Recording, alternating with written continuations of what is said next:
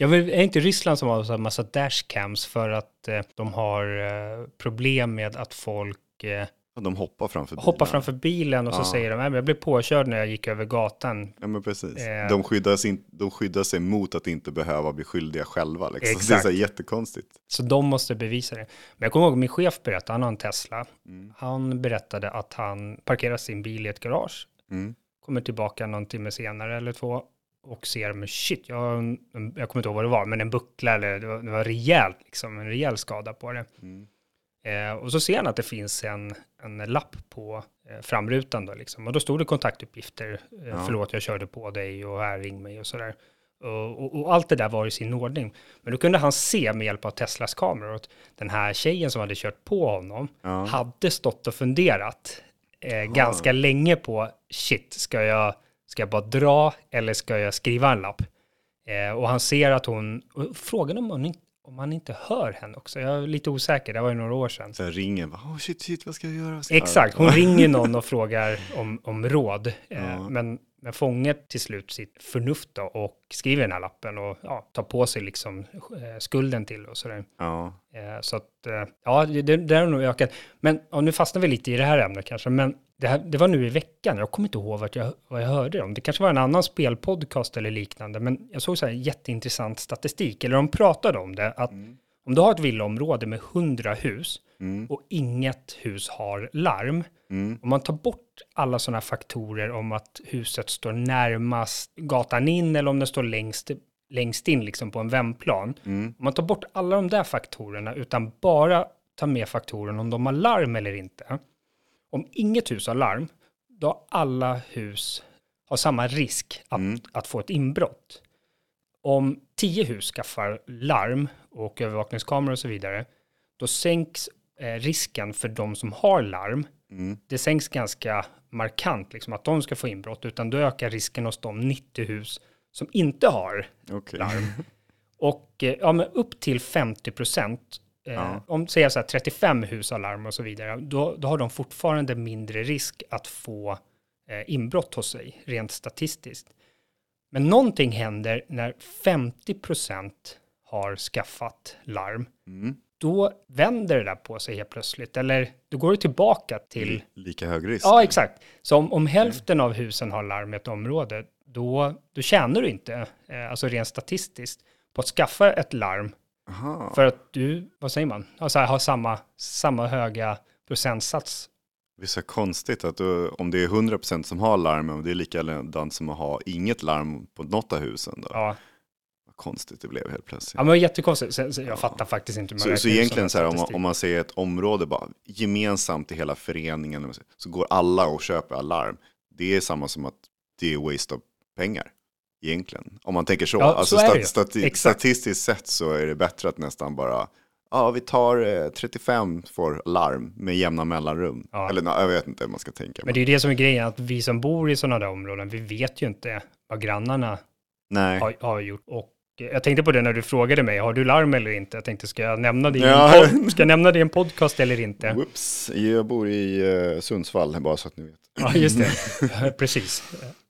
Jag får hitta på någon, någon adress. Ja, men eh, man, man kollar ju inte det. Man pratar inte så öppet med grannar heller om, om man har larm eller inte, Nej, faktiskt. ibland kan det ju, det är grannen som har snott gräsklippan. Och, Ja, Oj. exakt. ja, man vet ju aldrig vad som händer i, i grannområdet om man inte har sådana där små dokumenteringar. Nej. Ja, men vi kanske ska välkomna alla lyssnare här till, eh, till avsnitt nummer 12 av eh, Hus och hem. ja, Eller som vi faktiskt heter, eh, Gamea. Och vi är ju en spelpodcast, tror jag. Ja, vi, vi har ju börjat... Eh, pratat sport och hus och hem här och nästa är väl hur man tar hand om blommor kanske. ja, precis. Ja, nej, men det är alltid kul att, att sprida sina liksom, intressen också, men det här är ju bara våra allmänna introsnack som kanske dyker upp utan att vi planerar. Ja, Men eh, det, det blir bra start ibland. exakt. Ibland. Alltså ibland, vi har ju suttit typ och pratat två timmar med Ja. varandra innan vi har kommit till, eh, till själva podden. Ja, utan att nämna spel. eller? Nej men exakt, precis. Så ni, ni har ju tur att ni får, behöver inte lyssna på allt vi pratar om direkt. Och dela upp det i två podcast kanske. Ja. Ja, hur är läget annars då? Ja, det är jättebra. Jag, jag har faktiskt haft en jättebra vecka. Eh, generellt om man bortser från lite snökaos och så i veckan så var det, det var riktigt nice. Just det, det kom lite snö Ja, som bara blev slask. Men sen frös det väl på ganska snabbt så att det blir den där, halk, den där halkan. ja det har varit lite otrevligt väder sådär, men eh, generellt sett så har det, har det funkat ganska bra. Det, det var lite kallt och sådär, man frös om fingrarna när man jobbar som brevbärare. Så det, det är inte så mysigt att sitta och känslan av att man har kissat på sig när man kör en moppe och samtidigt ha iskalla händer och så måste man plocka upp massa jävla brickor och nycklar och sånt. Det är, det är ingen skön känsla när, när timme tre börjar ticka förbi och timme fyra börjar härja. Liksom. Ja. Då, då är man rätt less på det där. Ja. Men eh, för övrigt så jag har fått en ny inneboende den här veckan. Ja. Ehm, och nu är inte hon här, men morsan flyttar in faktiskt igen. Eh, jag kan inte säga att det, det kanske är vanligtvis att man får hemma, hemmabesök på det sättet så lång tid. Men eh, hon har stambyte hemma, då, så att, eh, det, det, det fanns inga andra alternativ kan man väl säga. Men du bor ju bredvid ett eh, Ett ålderdomshem. ålderdomshem. Ja. Oh, oh, shit, tur att hon inte är här. Hon hade Ja, väl så- gett så mig en lavett då. Nej, hon, hon bor såklart hemma i, i sin lägenhet. Men eh, det är jättetrevligt att ha sällskap och nu får man ju gratis städning och sådär mellan varven. För att eh, när man kommer hem står kaffet eh, klart och, och ja, jag har pysslat lite här, Ja. säger hon. Och det är bara att tacka och ta emot liksom. Ja, men ni Men, kanske ehm, ska flytta ihop då? Så Alltså man, är, man har funderat på så här, hur ska man spendera ålderdomen med, om man säger päronen. Det, det är nästan bättre att ta hand om dem i ett stor, en stor villa. Så här, jag tar övervåningen, undervåningen, de får någon annan del. Ja, men som eller- det fungerar i andra kulturer. ja men exakt, man tar hand om sina päron, liksom äldre och ja, till och med farmorföräldrar liksom sådär. Ja. Nu är inte de, det är ju bara farfar kvar i livet då, men ändå. Eh, alla lever ju så pass länge så att man, nästan, man blir pensionär själv, då finns nästan föräldrarna eh, vid liv också liksom, Ja. i, för vissa generationer. Men jag jobbar ju med, eh, jag har sagt det flera gånger, jag jobbar inom telekom och, och Mm. ganska nära eh, IT-avdelningar. Ja. Så jag pratar väldigt mycket med eh, indiska IT-konsulter. Mm. Och de har ju, de har ju en kultur av att eh, föräldrarna flyttar hem hos Flytta dem. hem, ja precis. Ja, exakt. Eller Ja. jag vet inte om det kanske är att barnen aldrig flyttar ut. Jag, jag vet inte. Ja, det, man flyttar väl ut när man gifter sig oftast i många kulturer. Ja. Och då, då kanske det... Men det är inte helt ovanligt att du bor tre, ibland fyra generationer Mm. under samma tak. Herregud alltså. Vilket jävla liv och rörelse det måste... Man Så ju tycker vi västerlänningar, medan i andra kulturer, och jag kan tänka mig typ Sydeuropa, typ Mm. Italien och Spanien, då är det nog säkert mycket mer vanligt förekommande. Ja, Vi har väl typ i Sverige har vi väl ett av liksom, det högsta antalet, alltså rent procentuellt sett, singelboenden. ja absolut. Ja, men som, som du Som- och din vi, lägenhet ja. här. Eh, Stockholm är ju också väldigt högt på den procenten. Ja. Eh, Stockholm har ju liksom ett antal lägenheter men de flesta är faktiskt singelboenden. Ja, Och då betyder det inte att man bor i en liten lägenhet. Det kan vara att det är typ farmor som bor i en fyra på Östermalm och nästan tar upp för mycket plats när det kunde bo en, en fem, femmannafamilj där. Liksom. ja exakt. Det, det är så konstigt hur det ser ut med när pengar styr. Det är dyrare att, att skaffa sig ett mindre boende bara för att de redan har betalt av jättelägenheten och betalar 300 spänn i, i månadsavgift. Ja, Det blir så vridet på fel sätt och så. Då, då kanske det är bra att man ändå kan ta hand om sina äldre då. Alltså mamma och pappa eller farmor och farfar. Och så kan man flytta in i deras lägenhet så. ja, Men det är ingen som vill bo på det sättet i svenska samhället. Det, man vill ha sitt privatliv, man kanske vill ha sitt, sitt eget hem. Liksom. Ja. Det, det har blivit någon standard. Liksom. ja, men vi har ju plats och så. Jag, Mm. ibland när jag pratar med folk som bor i städer som New York och så vidare. Mm. Alltså ta din lägenhet här. Den hade ju definitivt bott två, tre olika personer i. Ja, Att eh, man har hyrt ut det. Men säg att du hade, ägt den här lägenheten i stor New York någonstans. mm. Men för att ha råd med lägenheten, då hade du behövt hyra ut om du inte har ett jätte ja.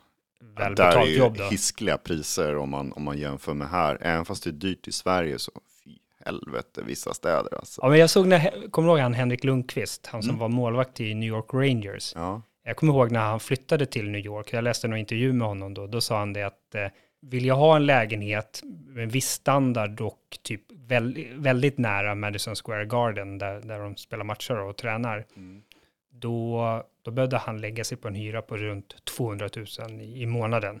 Sen har ju han, han kanske en annan standard än vad du och jag har. Ja, det tror jag säkert. Men tänk när du summerar ett år, att oj, jag har betalat 2,5 miljon kronor i hyra. Ja. Du har inte kvar något värde av det, utan du har bara bott där i ett år. Man får ju se lite grann att de, de tjänar mera pengar, men det är mindre skatt. Alltså det är någon, någon lite friare siffra, att vi har lite mindre pengar att röra oss med och kanske boendekostnaden går ner lite grann också. Ja. Ja. Men, men kontra som du säger så är det ju, det är nästan ingen som har råd att bo där de själva vill. Nej. Man får åka långt och det är därför det är, det är så utspritt i de här stora städerna, alltså utomlands och speciellt USA, att man Mm. bor ju oftast i förorten och jobbar i innerstan och vi kanske nästan bor i innerstan många gånger när man, när man jobbar i förorten kanske. Så där. Ja, exakt. Det är tvärtom-känsla liksom. Men eh, gamar din mamma någonting? Eh, harpan, Harpan, Jacker, Candy Crush, eh, nej hon, hon är ingen gamer så, utan hon tycker mest att det är, eh, mobilen är väl det man kan klicka lite på och fördriva tiden, men det är inte så att de tankar ner massa spel och så och testar massa nytt, utan det är korsord och det är tv och det är melodikrysset och sådana där saker. Så att det, det är gammel, gammeldags underhållning om man säger. Ja, alltså det, det, min pappa gamar jättemycket. Han är Mm. nu eh, större gamer än vad jag är. Mm. Eh, mamma har ju spelat ganska mycket genom åren, men Mm. nu är det ju, nu är det ju mest Facebook-spel och, och liknande Ja, som gäller även för henne. okej. Men, men hon var ju en sån här Settlers-nörd verkligen, fan. när, när jag var liten. Hon var ju bäst i familjen på Settlers och Ja. kört alla de där var varianterna och, och hon älskade det upplägget. Så jag förstår inte varför hon inte spelar, ja, vad är motsvarigheten idag? De här Anno-spelen och ja, men typ City Skyline som vi pratade om förra veckan. Ja. ja, för något mer avancerat har ju inte blivit kanske på det sättet. Det är ju mycket, strategi ju strategi, men jag vet inte om det är att man behöver hålla en hög standard på grafiken, men det behöver man inte heller. Man kan ju gå tillbaka och spela gamla spel så, men det känns som att tekniken är en tekniknörd som, som kanske många vuxna inte är då. Nej, det skulle jag inte säga att hon är direkt. Nej, så det kanske är lite där att man, man inte vill hänga med på alla led och då blir det svårare att hänga med i spel, för spel driver ju ganska mycket framfarten i tekniken också. Ja, absolut. Ja, det är ju mer avancerat idag. Jag tänkte på det, jag drog ner, eller drog ner, jag köpte, vad hette den, Command and Conquer, det var någon remake. Eh, Steam hade en ganska stor rea på den, Mm. från 200 till eh, 30 kronor tror jag. Ja. Då fick man typ Red alert och Tiberian Dawn tror jag. Ja. Och när de Det blir- spelade, Det är eller? inte Tiberian Sun, Nej, det är eh, någon konstigt nog. DLC eller vad? Dawn, okej. Ja, jag, Okej. ja, jag, Nej, jag jag, kan inte ihåg, inte jag riktigt med. Command and Conquer Lore. Jag tror jag slutade spela efter Red alert. Ja, Eh, jag provade Tiberian Sun när det kom, men det var inte riktigt nej. mitt, mitt typ av spel. Men då kom jag ihåg att jag tyckte att det var ganska avancerat och sådär eh, svårt. Mm. Men alltså nu, precis som du är inne på, om man jämför det med, med dagens motsvarande spel, Mm. så är det ju väldigt straightforward. Mm. Det är ju fortfarande svårt liksom och eh, datorn kan i omgångar vara väldigt bra och så. Men det är ju inte så invecklat. Ja, de håller en ganska mycket i handen i dagens spel. På, på grund av att alla ska kunna spela. Ja, Det är lite så här, det är inte bara nördar inom parentes, utan det är alla ska kunna ta upp spel. ja, Och sen så visst, visst är det avancerade spel, men det är fortfarande att de vill ju att fler ska spela. Och då blir det ju mer sålda enheter och dataprylar och, och spel överhuvudtaget. Då. Men jag tycker ändå att det är kul att, det, att de drar in alla, ja nu mobilspel har ju verkligen blivit så casual, att man, man får så mycket liksom när man startar upp det och du får massa boosters och allting. Men fortsätter folk? Det är ju det som är frågan. Och tycker folk att det är kul när man blir hållen i handen i början? Ja. Ja, de här som inte är vana vid spel, de tycker säkert att det är kul. Men vi tycker ju lite så här, nej, jag vill hellre ha svårare spel eller jag vill hellre ha en annorlunda spel. ja, Man längtar tills man kommer förbi tutorial liksom. ja? Man kan börja spela ibland. Men där, där kan jag tycka att till exempel att GTA-spelen är ganska sköna. Mm. För mig veterligen finns det inga svårighetsnivåer där, utan Mm. då har utvecklaren, eh, i det här fallet Rockstar, då, försökt hitta någon form av gyllene, ja men att det, det är inte för svårt och inte för lätt heller. Ja. Eh, och om jag tänker efter på alla de här GTA-sessionerna, jag menar vi har spelat tusentals timmar Mm. om man slår ihop det, så alltså utöver ett par bossfighter så har jag nog inte liksom kört fast Nej. eller behövt spela om speciellt mycket. Samtidigt så klassar jag dem inte som så här snorenkla spel heller. Nej, det är... För det där kan jag tycka är lite mäckigt när man, när man sätter igång ett nytt spel och så ska man börja med, ja, men du vet, utöver att man ska ställa in så här gamma, så här, jämför de här två bilderna med varandra. När, Mm. när, när du inte ser den vänstra bilden, då har du ställt in din gamma rätt liksom på, Ja. på, på skärmen. Mm. Men då, så här, nästföljande är alltid typ, ja men hur, hur, eh, hur duktig är du på den här typen av spel? Om det är ett sportspel eller ett FPS-shooter av något slag. Ja. Så ska man ställa in så här, ja, men jag är nybörjare, eller jag är så här, ja men jag, jag kan spela. Ja. Och ibland kan det vara så här fem olika nivåer och då bara, men var, varför ska jag bestämma mig här och nu innan jag testar spelet? Ja. Hur svårt det här ska vara. Då kan jag tycka det är skönare med, ja men som Rockstar gör liksom. Mm. Hej, här är spelet, spela det. Vi har, vi har löst liksom svårighetsgraden åt dig. ja. Det kanske är lite det som AI kan hjälpa till med, att man får spela någon sorts tutorial och sen så beroende på hur bra det går Ja. så väljer den åt den. Vi rekommenderar det här till dig. Du verkar inte så bra på att sikta. Varsågod, storyläget. Ja, just det. Var det inte, jo men det var ju bara några månader sedan som jag fick det där i Forza. Ja, Kommer ihåg just det, vi vill ihåg det? sänka svårighetsgraden. Bara, det här verkar lite svårt för dig. Ska vi, ska vi hoppa ner en svårighetsgrad? Nej, ja, nej. Jag vill inte att någon annan ska se det här, tack. Nej, Men du postade det på, på Twitter. Ja, jag gjorde det. avslöjad. Ja, hur är läget själv då? Jag glömde ju fråga. Jo, men det är bra. Eh, Det är väldigt bra. Mm. Det är sådär, jag höll på att säga varken bra eller dåligt. Ja, men det, men det, det är bra. Det är det. Jag har en eh, stundande skidsemester här om två veckor. Ja. Så vi ska upp till vår lägenhet i Kungsberget. Mm. Eh, Så den ser jag fram emot väldigt mycket. Att ta en liten paus i vardagen och åka lite skidor och dricka varm choklad och kanske ta en eller två afterski-öl. Det låter jättemysigt. Ja. Det var- så länge sedan jag åkte skidor och jag kan, jag kan säga att det var, jag var 13 år tror jag sist jag stod på ett par skidor. Alltså, Ja, okej. Det är så länge sedan och nu känner man bara, håller knäna för det? Håller dina knän för att stå på ett par skidor idag? Ja, liksom? absolut. Knäna är inte problem, utan det är om jag inte har tränat eh, lår Mm. Innan jag åker iväg en vecka Ja, skidsemester, då, ja, men då, då får jag mjölksyra redan efter. Liksom. liften upp. Ja, inte riktigt så illa, men, men säg att jag har åkt två åk en dag Ja, och så ska jag köra det tredje åket, då kan jag känna liksom, shit, mina ben håller inte. nej. Så att det gäller att köra lite så här squats och jägarställning och sånt där för att få ut lite av skidsemestern. verkligen. Ja, liftkorten är inte billiga idag, att man måste ju utnyttja dem också. Ja, Man tänker sig vad den summan har blivit med åren. Sen, sen när jag var uppe sist då, då var det ju inte alls de här tusentals kronor verkligen för en vecka. nej.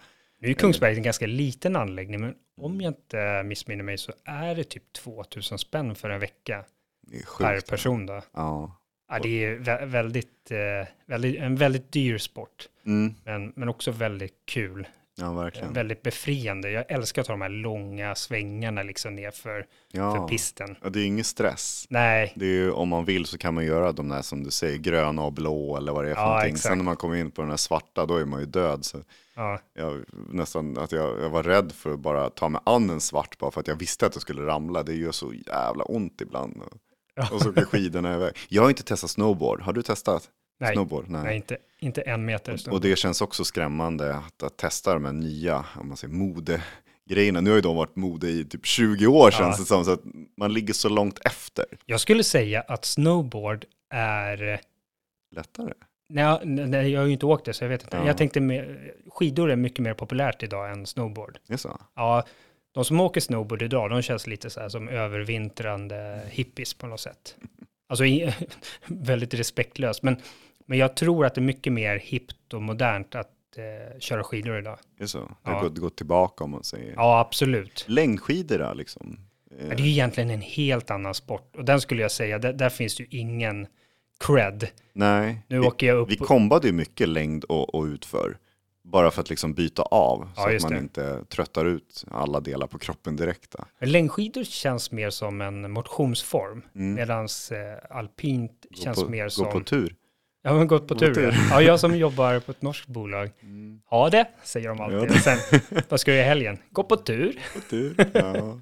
Det är charmigt. Ja, vi, vi åkte ganska mycket längdskidor och det kan man ju göra liksom här också i Stockholm utan att liksom behöva leta efter en backe. Liksom så, ja just det. när det är snö. Ja. Ja, men min fru var, upp, eh, var ute och körde lite längdskidor nu på, Mm. på förmiddagen. Och ja, men vi pratade om det lite innan här, du och jag. Mm. Men då brukar hon åka iväg till någon golfbana eller liknande där de har preppat spår. Mm. Eh, och vi har ju en, ja, men vi bor ju, vi har ju typ en stor park emellan oss. Den här Ja. Nälsta Ja, precis. sportfält eller vad den kallas där. Där brukar ju entusiaster göra spår. Ah. Nackdelen är ju att där hänger ju andra människor också som inte åker längdskidor och då Ja, men- kommer ju så åttaåringar och springer sönder de där spåren och sådär. Mm. Medan på golfbanor får man ju vara lite mer i fred. Det är ju inga, är ju inga som spelar golf nu direkt, Nej, utan det är bra att de kommer till användning också. ja, exakt. Så man inte får en golfboll i huvudet men att man får lite, lite sällskap där ute på greenen. Ja, exakt. Ja, vi, vi, tänk- jag tänkte att vi skulle hoppa in på lite spelnyheter här. Och Ja. Det var en nyhet som jag inte tog med faktiskt. Vi, vi pratade lite om golf här. Mm. Och det är att eh, EA ska ju damma av sin golfserie nu. Mm. Eh, jag tror att det var så här 2015, 2016. Då kom ju den här Rory McIlroy PGA Tour eller liknande. Vilket Okej. var en efterföljande till den här Tiger Woods-serien. Ja, det. Eh, Så det kommer jag tycka är lite spännande att testa. Jag körde ju den här 2K Sports Mm. Golf eh, 2021. Och det är ju ett väldigt kul eh, spel. Mm. Även om man som jag inte spelar golf Mm. så tycker jag ändå att ett eh, golf i eh, tv-spels eller datorspelsformat är ju väldigt kul. Eh, Ka- Kan man göra tv-spelsvarianten mera simulerad alltså än vad det är idag?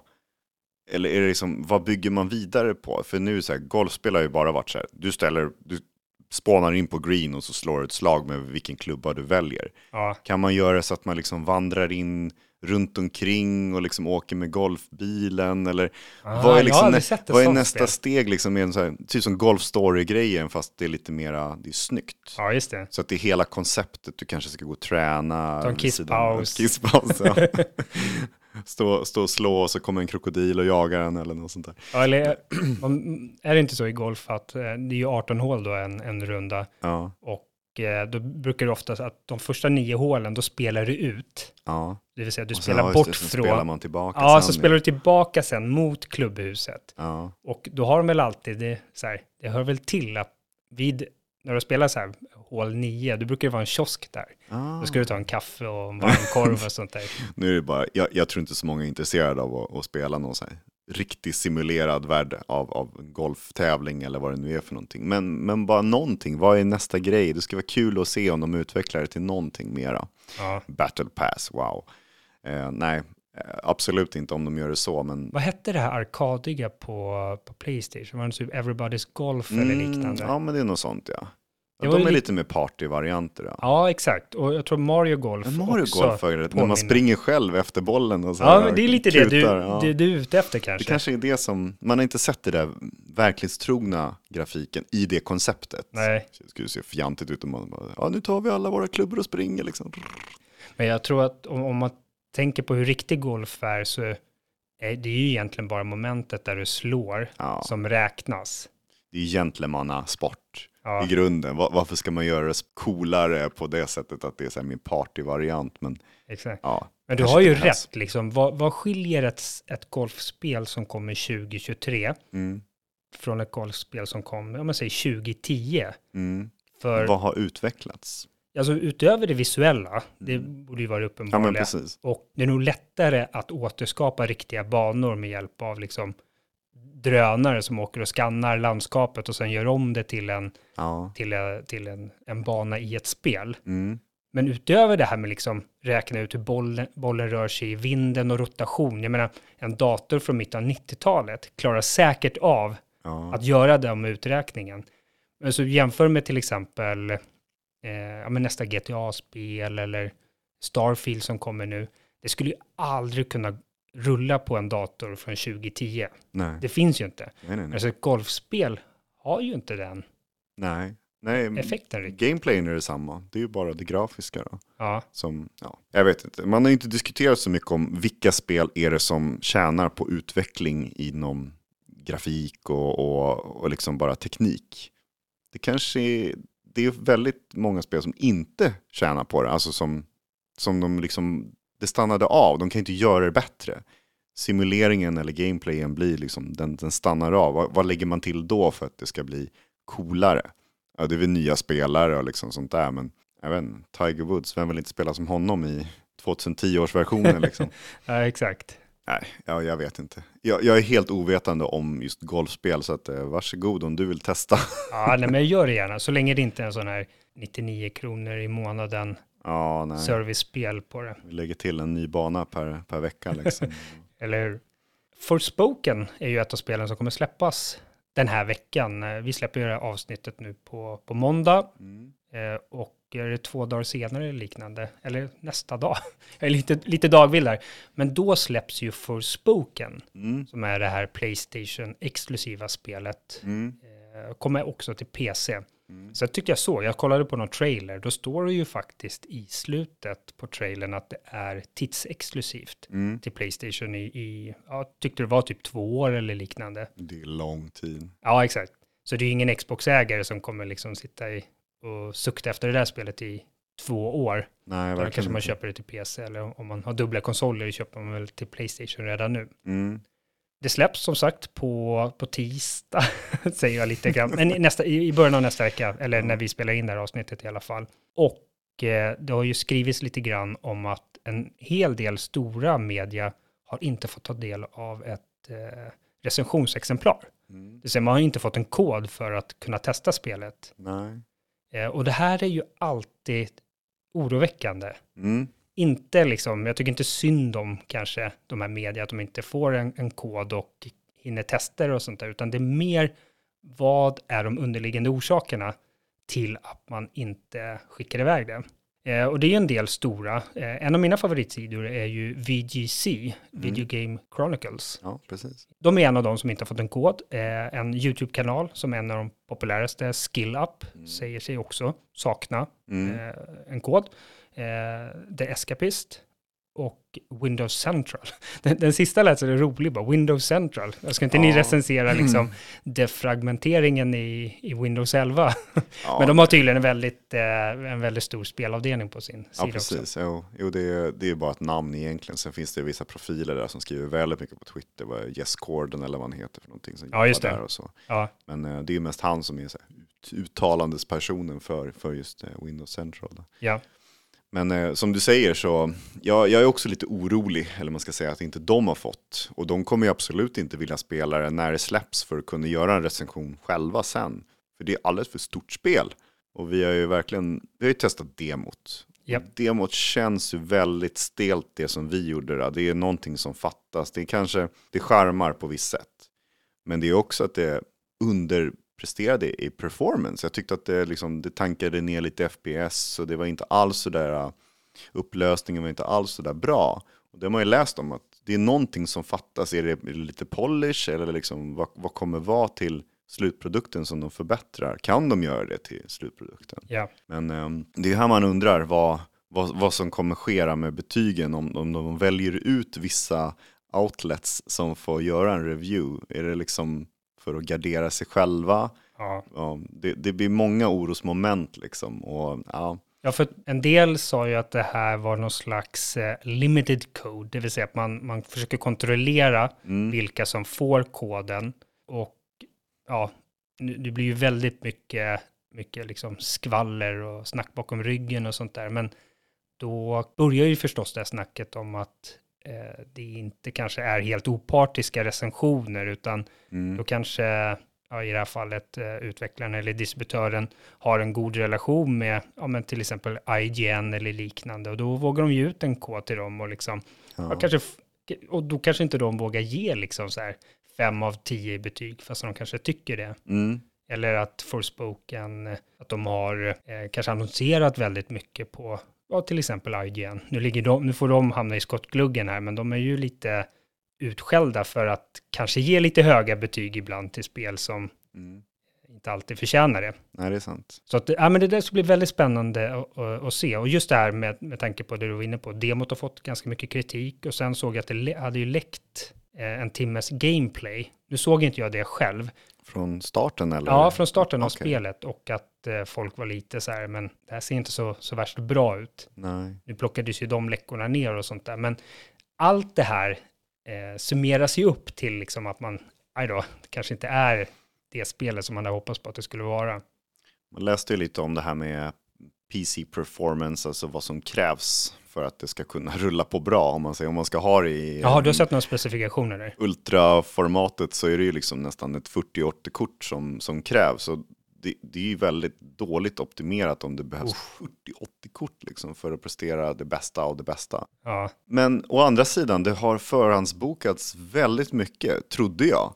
Men det kanske var baserat på, på, på Playstation, att man såg att ah, den och den och den har förhandsbokat spelet. Men det var nog baserat på att någon hade kört demot, verkar det som. Och då blev det som en Jaha. automatiskt att de hade liksom förhandsbokat det in i statistiken. Jag vet inte om det var något fel. ja du såg det i Playstation Store? Att Ja, det här... inte av mina kompisar om man säger, men jag såg att folk hade postat på Twitter att bara 40 personer har förhandsbokat det här av dina vänner.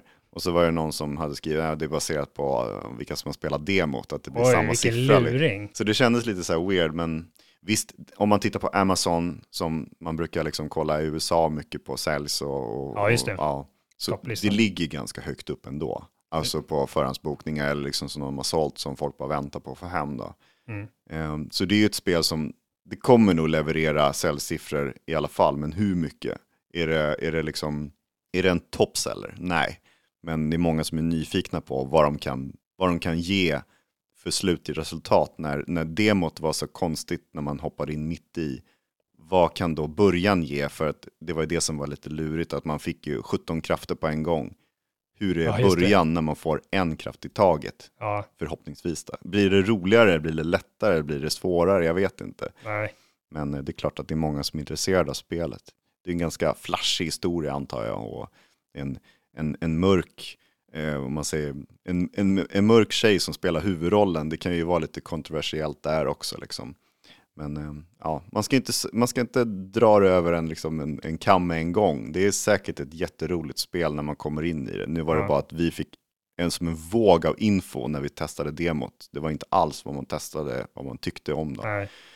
Ja, men därför blir ju de här recensionerna Mm. väldigt avgörande. Eh, och hade jag suttit på en förhandsbokning på det, då hade jag nog kanske avbokat den Mm. och eh, inväntat recensioner och sen kanske lagt i någon form av här framtida backlog Mm. att köp, köpa när det har patchats eh, och sådär. Det är det som är så skönt, att man kan ju vänta. Ja, Ja, pengar är ju liksom relativt. Hur mycket vill du lägga? Vill du lägga 700 spänn? Nej, jag vill lägga 300 spänn. Ja, men vänta då. Ja, Vänta exakt. ett år. eller, eller jag kan tänka mig att lägga 700, men då vill jag att det ska vara buggfritt och Mm. optimerat för, för maskinen och så vidare. Ja. Ja, men ja, det, vi har ju pratat om det flera gånger, att det är ju spel som har fått revivals. Mm. Eh, no Man's Sky, Cyberpunk. Mm. Eh, ja, men de har ju bara en chans att få en review från början. ja, exakt. Så det är ju baserat på hur många följer spelet i tre, fyra månader senare eller ett halvår senare eller upp till ett år. Ja, exakt. Är det lagat nu? Är det värt att hoppa in? Det är inget servicespel. Så jag tror inte att det kommer följas slaviskt av många. Utan det här är nog bara, mm, för hoppas på turen om de ska sälja ganska mycket. Att de måste ju fånga publiken på en gång. Eller hur? Jag har ingen aning vad det kommer sluta med. Men... Rockstar verkar ju vara lite bättre på det här med värna om spelare och, och, och så vidare. Mm. Det var ju eh, Googles streamingtjänst Stadia, den har ju släckts ner nu. i- Mm. Ja, det var i veckan, ja precis, sista dagen där. Ja, exakt, vilket innebar att eh, ja, det går helt enkelt att spela på den eh, maskinen längre. Mm. Det var ju en kanadensare som kallar sig Color. Ja. Jag la nog faktiskt 10-15 minuter igår och kolla vad han hette på riktigt. Okej, ja. Men nej, jag hittade faktiskt bara hans alias Color. Ja, ja, det är snyggt, snyggt alias i alla fall. Ja, exakt. Han eh, hade ju spelat över 6000 timmar Red Dead Redemption 2 Online ja. online. Ja, På- ja det var ju inte single player 6000 timmar. Men online-läget jag precis på Stadia. Ja, över 6000 timmar. Det Jag tyckte sjukt. någon sa, eh, eller jag såg något så här, att det motsvarar typ tre års heltidsarbete. Så sjukt. Något åt det hållet. Har, har han alltså spelat det orkar online? Man? Hur orkar man leva i det? Och just på den plattformen där kanske inte är så jättehög population. Nej.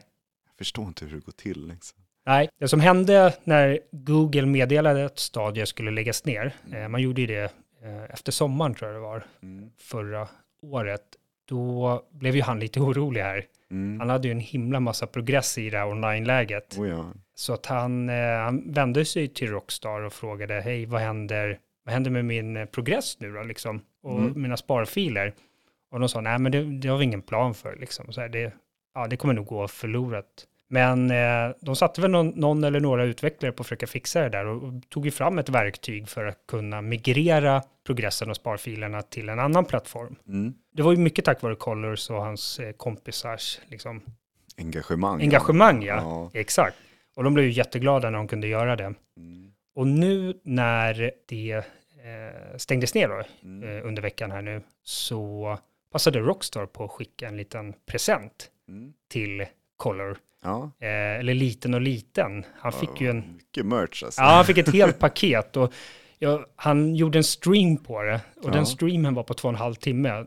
Det orkade inte jag kolla på. Som Eh. att sitta med julklappar när man var barn, liksom, och öppna 17 procenter. Ja, men exakt. Jag såg när han öppnade och tog på sig någon form av läderjacka av något slag. Ja. Eh, Men sen, eh, sen orkade jag inte kolla mer. Men han la upp en bild på att han, eh, han hade lagt upp allting på ett bord eh, eller på golvet och tagit foto på det. Mm. Och det var liksom tröjor och muggar och böcker och Ha, hur mycket kan man lägga pengar i microtransactions? Jag har inte kört liksom på det sättet. Det kan man väl kanske? jag har varken klarat single player-läget eller ens kört igång online-läget. Har inte det? Ah, Nej. okej. Jag tänkte inte Men det är Rockstar vi pratar om. Om Ja. vi tänker på GTA Online så Mhm. lär du ju kunna köpa. Jag undrar hur mycket pengar han har lagt i online-delen. Om det är bara, mm, du får igen dina pengar. Här har du lite paket. Det är typ hans pengar tillbaka nästan. Ja, så kanske det Ja, är. jag vet. Men jag tyckte att det var jävligt snyggt gjort av Rockstar. Ja, det är första gången jag ser dem göra en sån eh, gest.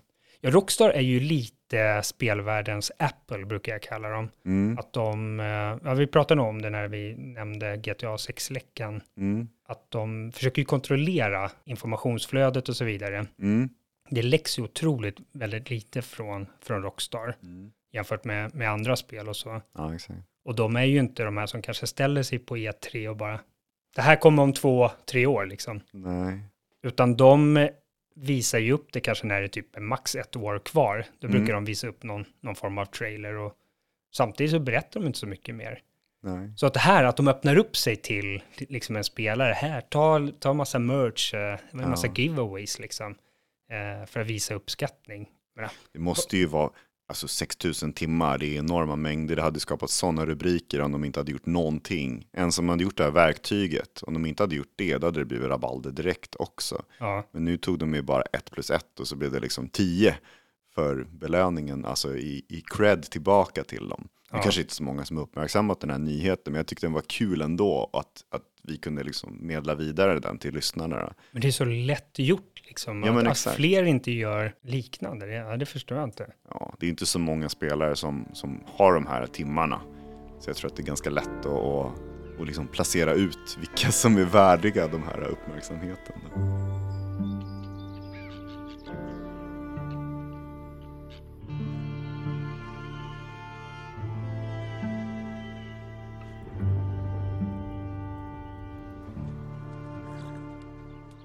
Apropå läckor så kom det ju eh, en, eh, en läckt skärmdump från det kommande spelet Suicide Squad. Mm. Och det var en bild från ja, typ någon form av meny. Jag tyckte Mm. jag, fick, jag fick nästan lite Division-vibbar av hela Ja. den bilden. Det var någonting med hur karaktärerna stod, för det var någon form av fireteam liksom. Jag uppmärksammade på att det var väldigt likt Avengers, alltså Marvels Avengers. Ja, just det.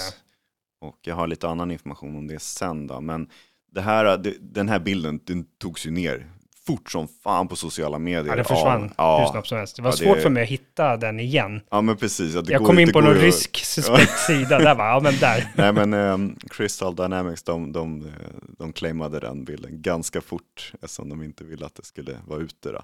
Så när det är så, då undrar man, är det sant eller är det bara att de inte vill ha falsk information ute för folk? För att, ja, information är ju värdefullt idag när det kommer till osläppta spel. Liksom. Ja. Man vill inte sprida någonting som inte stämmer heller. Så att, antingen så stämmer det eller så är det bara bullshit. Men eh, troligtvis så var det här äkta för det såg jävligt bra gjort ut om det var bullshit. Alltså. Ja.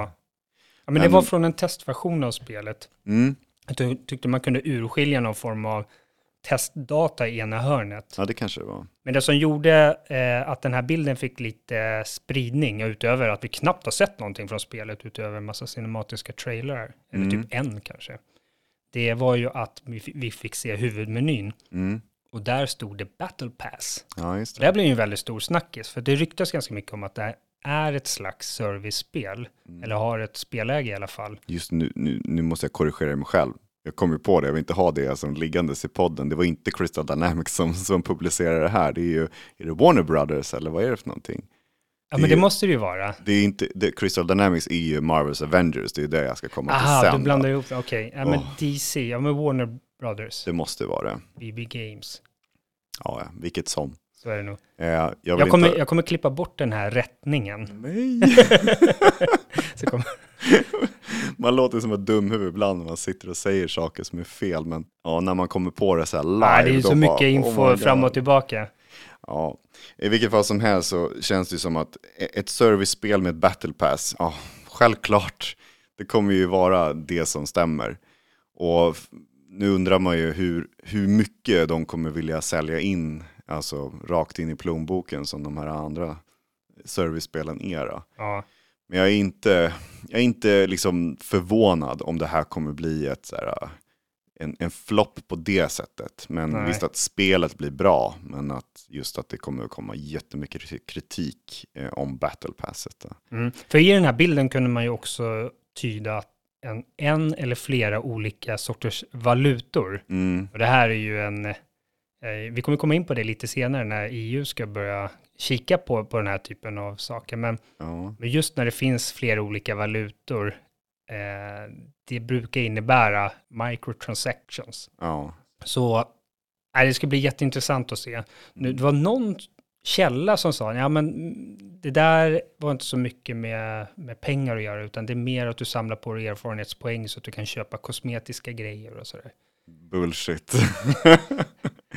Nej, det är väldigt förvånad om det blir eh, en, summa när man köper spelet och sen är det bara att samla på sig. Så bara, nej, vi vill inte ha några mer pengar av dig. Battle Passet är helt gratis. Det, det, det är någonting vid sidan om. The fuck, det var ju levlingssystem på alla gubbar överallt och valutor hit och dit och så. Det, Eller varför bygger de upp ett sånt komplicerat system om det inte ska bidra till att de vill ha in eh, pengar på annat sätt? Då? Nej. Men visst börjar det bli dags för oss att få se lite mer officiellt från det här spelet, för det ska ju släppas den 26 maj. Ja, Och det är ju, det, fyra månader kvar nu bara. Mm. Ehm, jag har ingen aning om nästa gameplay session visas upp då. Så ska de inte försena det mer så är det nog dags snart då. Mm. Ehm, men eh, jag, jag hoppas ju på att det här blir ett, ett roligt spel att ta sig igenom. För det, det har ju sett bra ut, det, det lilla vi har sett då. Ehm, nu var det ganska länge sedan. jag kommer inte ihåg när den senaste gameplayen var. Jag trodde faktiskt inte att det hade funnits någonting innan. Men det fanns ju, men det var, det var så pass länge sedan. Så Det, Det- går liksom kanske inte riktigt att lita på det man Nej, ser. jag hoppas verkligen att det är, att det är som, som det har visats. Då. Det såg ju ganska underhållande ut och väldigt mycket action och sånt. Då. Men storyläget är ju som sagt, eh, ta död på sina superhjälts, eh, om man säger hjältar. Jag, jag klarar inte av det konceptet, men man måste ju komma in i det där att eh, hjältarna är inte hjältar i den här dimensionen som Nej, de existerar i. Då. Men utöver det så, jag började prata lite om Marvels Avengers där helt det. plötsligt. Och jag, jag läste ju igår Och vilka här har gjort det då? Ja, Crystal Dynamics. Ah, ja, vad duktig du är. det fick rätta mig själv igen. Nej men de, eh, de ska ju stänga ner det. Så det ska inte eh, fortsättas med någon utveckling. Och jag tror att det var 31 mars kommer sista patchen. Sen så var det i 30 september så kommer det sluta säljas digitalt. Och jag bara, vadå, det är väl inte så gammalt spel? Varför, varför stänger de ner det? Ja, det, det floppade ju, men att de liksom ger upp på den fronten, för Avengers liksom, licensen är ju ganska dyr. Ja, Och jag vet inte om vad de har för kontrakt att de ska leverera det här spelet, ja, hur lång tid, men det kanske är att licensen går ut då. Vad är det för typ av spel? Det är ju, superhjäl- det är ju superhjältespel som du spelar i team eller själv då. Och sen Och går du in i uppdrag. olika uppdrag då. Ja, Ja. Så att du får förverkliga din fantasi om att spela som Iron Man eller Hulken eller vad som helst. Då. Men det, jag vet inte hur många hjältar de har implementerat och haft, ja, patchat in då, men jag tror att det är en 15-20 stycken någonting då. Ja. Jag har inte spelat det själv, det ligger ju på plustjänsten på Playstation så man kan testa det. Ja, okej. Men vem fan vill hoppa in i det nu när det ska stänga ner och så? Nej.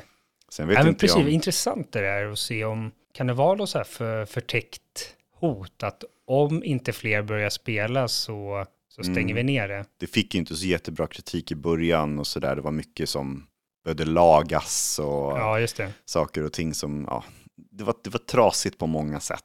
Men det var säkert jättekul för de som var engagerade i det och så. Men det var väldigt monotont. Eh, Jag vet inte hur mycket de har lagt till och om, om det var vissa superhjältar som, "Va- varför inte den här med och varför inte den här med? Ja, det är klart det ska bli någonting att lockas till. Då.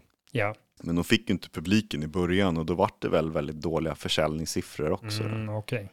Men eh, tråkigt att höra. Eh, den liksom genren kommer ju leva vidare kanske i Suicide Squad då.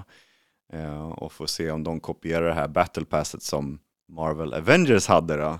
Som jag tyckte att det liknade. Men eh, eh, någon måste ju ta över.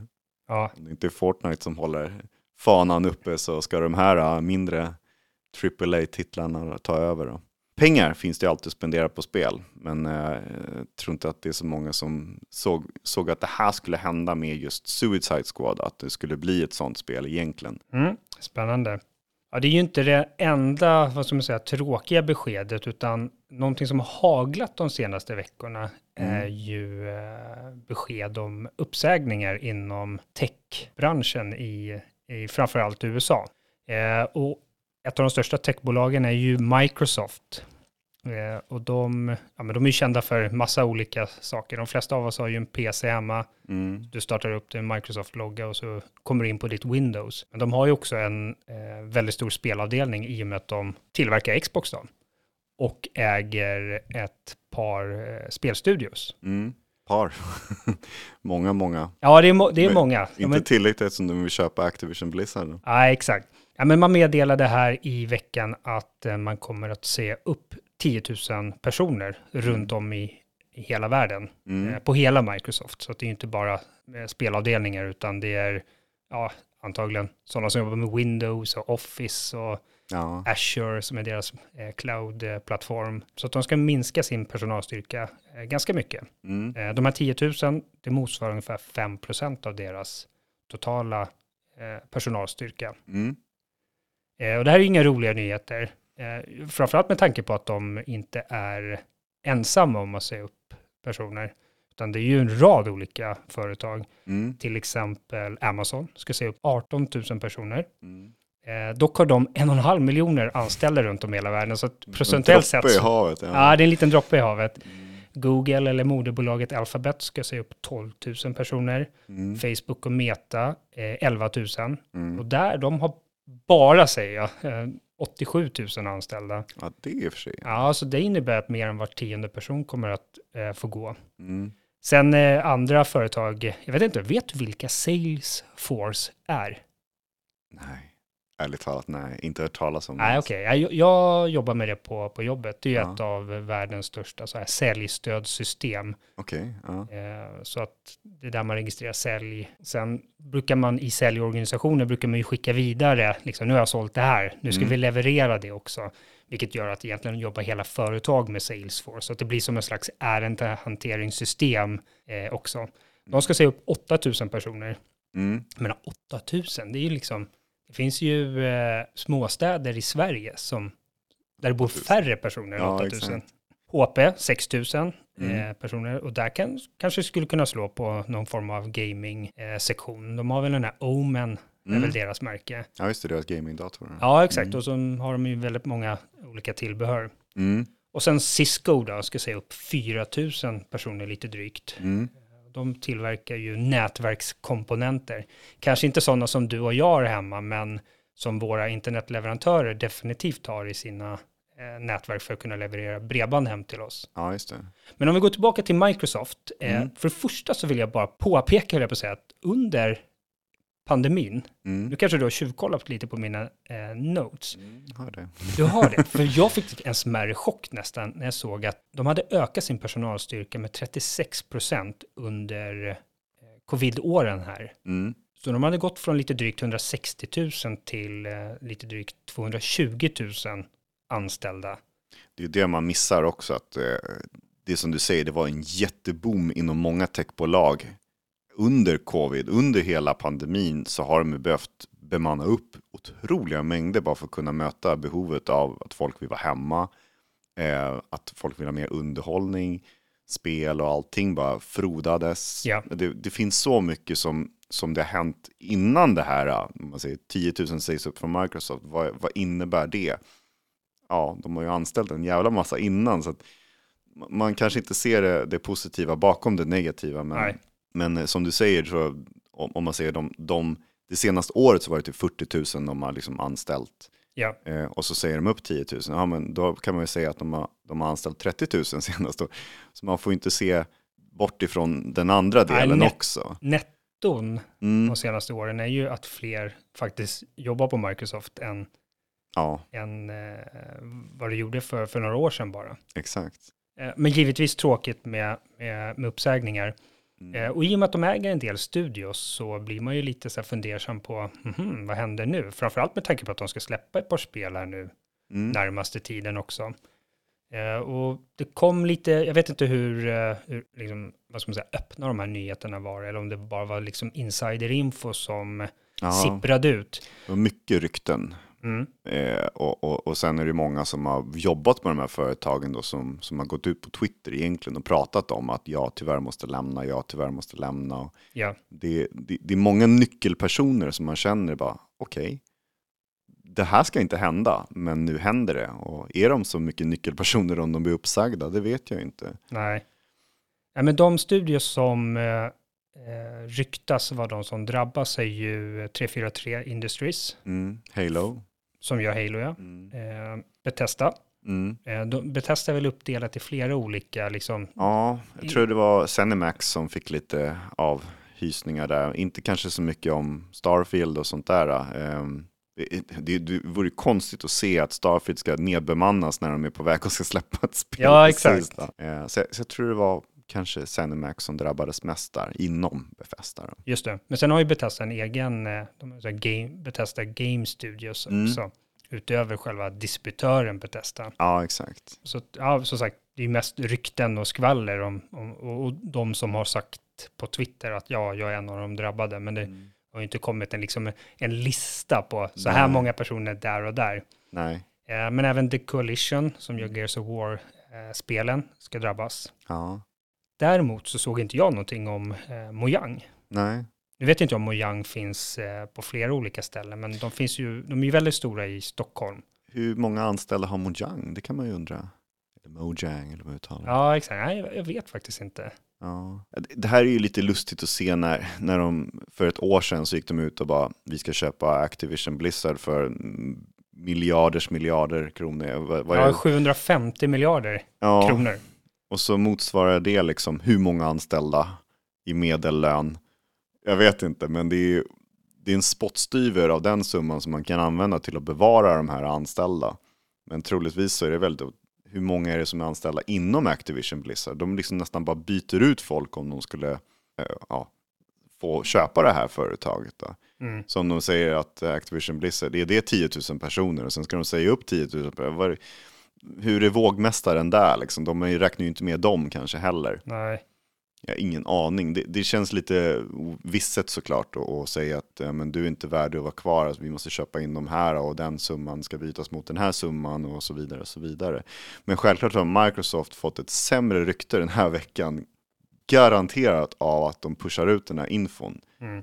Varför just nu? Vad, vad är det som säger att hela den här boomen kommer just nu? Är det innan kvartalet är slut då för det här äh, räkenskapsåret eller? Alltså jag tröttnade ganska snabbt på att kolla på gaming, eh, ny, liksom media eh, Mm. och YouTube, eh, och Twitter och så vidare. Alltså från, från eh, spelmedia. Mm. Jag tröttnade på att se den rapporteringen för att de var väldigt så här, enkelspårig Ja. eh, och bara liksom, ja men så här, ja men hur påverkar det här Starfield och eh, Activision Blizzard där framöver och sånt där. Mm. Så att jag gick faktiskt in på Yahoo Finance och Bloomberg och, och liknande media för att få liksom det här businessperspektivet på det och Mm. inte bara liksom från, från spelmedia-håll. Mm. Eh, och vad det egentligen handlar om är ju att eh, det är ju lite tuffare tider nu med inflation och mm. krig i Ukraina och så vidare. Men de här företagen, de tjänar ju extremt mycket pengar fortfarande. Mm. Det är ju inte så att de går med förlust direkt. Nej. Utan det man gör, det är att man eh, helt enkelt försvarar sin aktiekurs. Mm. Man är rädd om sina investerare, liksom att går aktiekursen ner, då måste man göra någonting för att vända den trenden. Och då är en quick fix, är att säga upp personer. Mm. Nu kan inte jag alla de här detaljerna riktigt, men, men säg att jag, jag är din chef och jag säger upp dig. Mm. Eh, om jag inte hade sagt upp dig, då hade du varit en, en operativ kostnad. Om jag eh, köper ut dig och, och sparkar dig, men mm. att du fortfarande får liksom ett års betalt, ja. eh, så är det typ en slags engångskostnad. Så det, det här, det är liksom, vart placerar man de här pengarna? Mm. operativa kostnader, det är, det är fult att ha. Det är mycket fulare att ha operativa kostnader än att ha liksom, engångskostnader. För då kan man säga, men de där kommer inte jag ha nästföljande år. Mm. Och det här gör ju att eh, de här företagen som, eh, alla de här jag rabblade upp nyss, HP, Cisco, Microsoft och så vidare, för att de ska vara lukrativa för investerare framöver mm. så är det bättre att minska den operativa kostnaden. Aha. Å andra sidan, eh, jag lyssnar på, eh, en av mina favoriter på YouTube är Dave Ramsey. Mm. Han eh, har en, eh, en kanal jag tror att det är en typ en radioshow egentligen som han också filmar mm. i en riktig tv-studio så. Eh, det, jag skulle säga att det är som en slags lyxfällan nästan. Att folk ringer in och har frågor mm. eh, om sin privatekonomi. Liksom, vad ska jag göra nu? Så det här är mina skulder, så här mycket tjänar jag och så vidare. Eh, och han är ju så här anti när det gäller lån och grejer. Och, och han har ju någon form av program, liksom så här, ta baby steps. Liksom, mm. börja med att betala av dina småskulder, gör sen det, sen det, sen det, sen det. Sen när du har gjort det, då har du något så här financial freedom eller något sånt där. Då kan man ta riskerna mera då? Ja, precis. Då, då, kan du börja investera och, och, och, så vidare för, för framtiden. Ja. Och han hade en kommentar om det här mm. Eh, med Microsoft. Nu kommer jag inte ihåg det ordagrant vad han sa, men han tycker att de här företagen som jobbar med att eh, bara se till att aktiekursen är, är bra, mm. eh, att det, det blir liksom inhumant på något sätt. En anställd är bara liksom en, ett streck på ett papper. Det är inte en tillgång eller liknande. Oavsett hur fina värdeord och så vidare de här företagen har, mm. så blir man bara liksom en, en kostnadspost någonstans. Så att det här värdet man såg när man anställde Bob, eller vem man nu, eh, han eller hon nu heter, mm. eh, det värdet försvinner ju när man sparkar. Och det är man inte så intresserad av, utan man vill bara visa liksom för, för investerare att nej men, vår framtid ser ljus ut. Ja, det här äh, det ringer en klocka också när man är på väg att köpa de här äh, Activision Blizzard. Va, va, vad får man med på köpet? En jävla massa IPs. Ja. En jävla massa speltitlar. Mot att behålla talang eller personal. Självklart vill du behålla speltitlarna hellre än de här personerna som kanske är utbytbara och anställas tillbaka senare. Så det, det, är klart att, precis som du säger, så företag de är ute efter att investera i sig själva, att behålla en, en stor katalog spel så vi kan, vi kan använda senare, än en person som kanske inte alls är obytbar. Utan det är bara att utbilda en ny eller hitta nya talanger ja. och så anställa sen då, om det är behov. Då. Så det är mycket det handlar om som du säger, att se sin egen rygg fri, att bygga upp en katalog, att göra sig själv rik inför investerarna eh, och, och, sluta eh, sprida pengar som du skriker om det på onödig personalkostnad. Ja, men exakt. Och Dave Rams hade en ganska fin liknelse att det Microsoft gör, det är att de sparkar personal mm. för att berika sig själva mm. och sina investerare, alltså de som har köpt aktier i bolaget. Medan du ser ju aldrig ett litet företag. Jag menar, om du och jag drev en... Spelpodcast. Ja, en spelpodcast. Nej, men om vi drev ett skomakeri eller kanske en liten eh, eh, tillverknings... Eh, vad ska man säga, företag som tillverkar saker och så vidare. Mm. Vi skulle ju liksom inte... Vi skulle inte sparka Maggan på ekonomi. Nej. För att vi ska bli rikare. Nej. Där vi skulle ju sparka Maggan och, och Benke ifall företaget inte gick plus. Att Mm. vi riskerade att gå i konkurs. Så här blir ju en sån, det blir så skev verklighet Ja, när företag tjänar, alltså biljoner. men verkligen. Microsoft tjänar väl mer pengar än vad så här små länder som Andorra och så vidare har i bruttonationalprodukt. Alltså det är så hiskeliga pengar så att ja, det är, Du såg, du såg väl vad chefen för Microsoft plockade ut? Det var en, en jävla massa miljoner. var det 500-600 miljoner kronor? Ja, för vad? En bonus? Vad är Ja. det de kallar det? Ja. Är det han som heter typ Sandy Nadella eller något sånt Ja, där? jag brukar kalla honom Nutella bara för att Nutella. Ja, Nutella. eh, nej, men sen var det också, jag vet inte om det är rykten men så, men de hade någon konsert också dagen innan det här kom ut, att eh, de, de hade arrangerat för eh, de här cheferna, och så hade de tagit in Sting som ja. artist, och det är inte någon billig artist och bara, mm, vi lyxar till det lite, och sen bara nästa dag, vi avsäger det, 10 000 personer. Det, det bringar inte något roligt för Microsoft just nu, och jag hoppas verkligen att nästa vecka när de ska ha sin developer showcase-grejen där. Att de har personal kvar? Alltså. Ja, jag tänkte på driva den. Nej, men att de har något positivt så de kan liksom höja upp sitt rykte igen där på något sätt. För nu, nu känns det som att de har tagit väldigt mycket stryk och den här goda tron som Microsoft har och nästan att Playstation har varit de onda och gjort alla dåliga moves. Så har ju Microsoft varit tvärtom där inom spelgenren. Ja, då, precis. har De har ju verkligen- byggt upp lite, Mm, lite så här, credibility. jag är din bästa kompis, så känns det som. Men nu är jag en, en, en, en svikare som, som bara eh, tar tillbaka allting på något Ja, sätt. corporate greed. Ja, jag vet inte. Det är, det, det, det är kul för dramat, men det är absolut inte kul att sitta i, i, eh, i den vevan att du blir uppsagd såklart. Nu får ju vi något att prata om också, så att det händer ju saker, men att det är negativt hela tiden, det är så tråkigt också inom spelvärlden. Vi behöver verkligen något positivt, så Mm. nu får det vara nog. Ja, men då hoppar vi nog faktiskt in på nästa nyhet. För, för mig var det här extremt glädjande. Mm, Jag har ju någon form av känsla när det gäller spelvärlden att den, vi, vi är någon slags li- limbo nu. mm, Det, visst, det kommer väldigt bra spel och så vidare, men de, det finns en del mörka krafter bakom kulisserna som tar över mer och mer. Och eh, det är apropå det vi pratar om här, pengar förstås. Liksom. mm, Och jag är lite trött på att, att köpa ett fullprisspel och sen bli bemött i det, liksom nästan på direkten. Liksom. Typ, ska du inte köpa det här också? Ja, mm. men nu, nu har vi rea på det här. Istället för 400 spänn så kostar det här 149 nu, det här tillägget. ja. Att det liksom, man är inte nöjd med att jag har köpt spelet, utan man är väldigt aggressiv när det gäller liksom att försöka få ytterligare pengar från mig. Eh, och du känner mig, jag har inga problem med att köpa saker i spel. Nej. Jag kan lägga 100 spänn i Division på att köpa en baseball-uniform i och med att jag gillar baseball. Ja. Men jag vill liksom inte bli så här, jag startar spelet och sen har jag typ en, en pop-up som jag inte kommer förbi utan att trycka på typ okej eller något sånt där. Mm, Du, köp det här också. Utan jag vill att det ska vara lite mer på mina villkor. mm, Och EU, man kan ju tycka väldigt mycket om EU åt olika håll och kanter.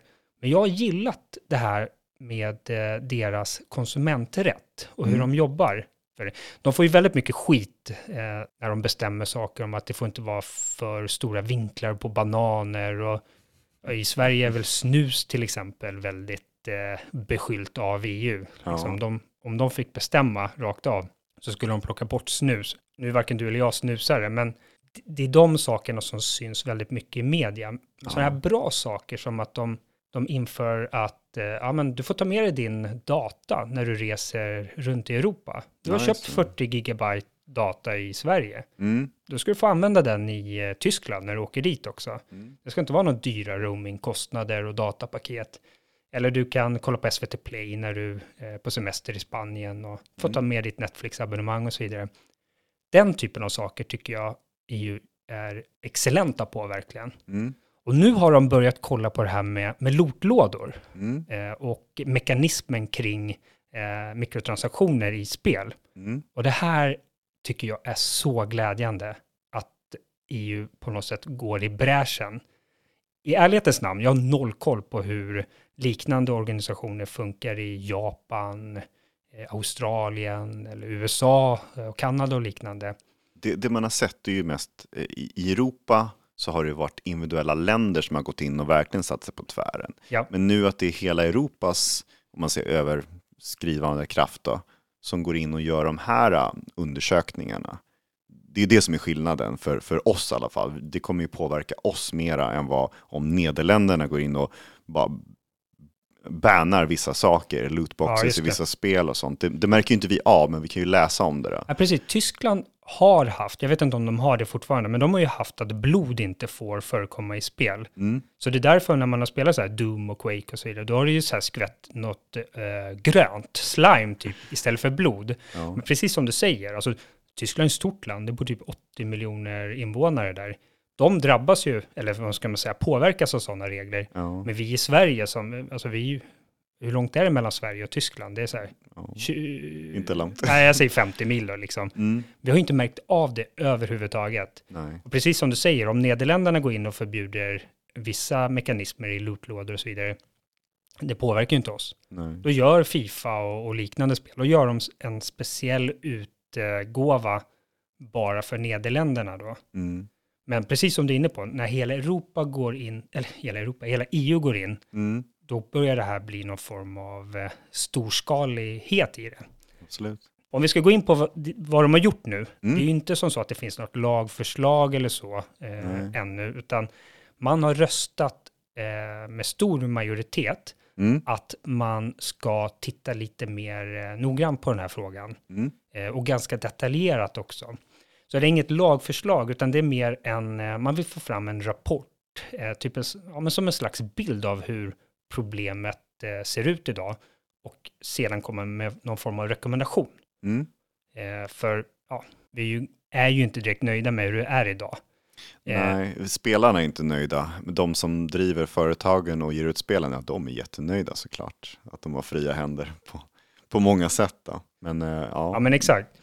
Det, det, det här är ju det, det är en lång process. Att de börjar, det innebär ju inte att det händer någonting i sommar. Nej, nej, nej. Det är Nej, lång, inte. lång, kanske flera år ibland.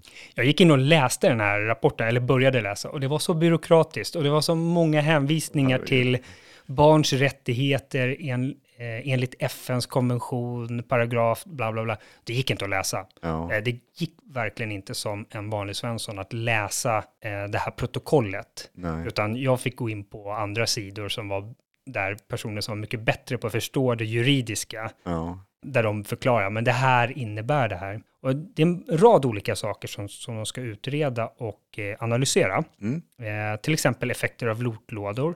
Alltså vad har det för effekter, framförallt på barn? Mm. Alltså om ett barn sitter och spelar Fifa och eh, får pop-ups och bling och sådana här ettor i röda eh, cirklar som säger att här har du någonting oläst. Liksom, hur påverkas barn av det? Mm. Eh, det, jag tycker det är jättekul, eller på att säga, men väldigt bra att man utgår från Barn. barn, ja. Ja. För att det är ju framför allt där som det här är som störst bekymmer. Alltså, du sätter ju någon form av, ja men som vuxen, Mm. visst, väldigt många vuxna har spelproblem och ekonomiska bekymmer och sånt där också, men mycket kanske härstammar från när du var barn. Ja, vi har ju växt upp med spel, men det är många gånger, nio av tio är det ju barn som skrevs om i media. Ja, Där har som har köpt problem. pengar i Ja. Smurf, Smurfville. Annars har det varit de vuxna, de, de nästan har ett spelmissbruk som kan kontrolleras. Men ett barn, det är, det är svårt att kontrollera ett barn då. Ja, ja men så är det ju. Man vill att spel ska bli bättre på att säkerställa åldern på de som, som faktiskt spelar spelet. Här fattar inte jag hur det ska gå till rent tekniskt. Alltså jag, jag kan inte tänka mig att det här skulle funka om man inte har någon så här bank-id eller någonting när man loggar in. Ja, hur, ja, precis, och du får inte ha som en åttaåring. Liksom, hur säkerställer du det? Ja, precis. Man ska kravställa en slags minimumstandard för när det gäller privacy. Mhm. Otroligt generell formulering. Mm. Men jag gjorde ju precis som du här. Jag köpte ju en ny skärm i veckan. Mm. Du har ju köpt din 42-tums LG OLED som du spelar på. Ja. Jag behövde ha en ny skärm för att framförallt kunna jobba på, Mm. eh, i, på vårt extra kontor hemma. Eh, men jag tänkte också att den här ska jag kunna spela på förstås också. Så Mm. jag var noggrann med att den ska vara åtminstone 32 tum, Mm. klara 4K eh, och så vidare. Mm. Eh, massa jada jada. Men det är en sån här Samsung Smart Monitor som jag har köpt. Så det är en blandning, det är en hybrid av en datorskärm och en smart-tv. Ja, så den har appar i sig och så också? eller? Exakt, Ja. och det passar jättebra i sovrummet där, för då kan jag ha det som lite som sovrums-tv då, extra-tv, Mm. Eh, med fjärrkontroll och grejer. Tyvärr är det inte Android TV på den, utan det är, det är Samsungs egna Tyson. Vad är det? Och det här, var, det här var en otrolig upplevelse när jag körde igång den och konfigurerade den första gången. Mm. Då, vill, då ställer den ju massa frågor så här, vill du få eh, reklam som baseras på din personlighet och din historik och så vidare.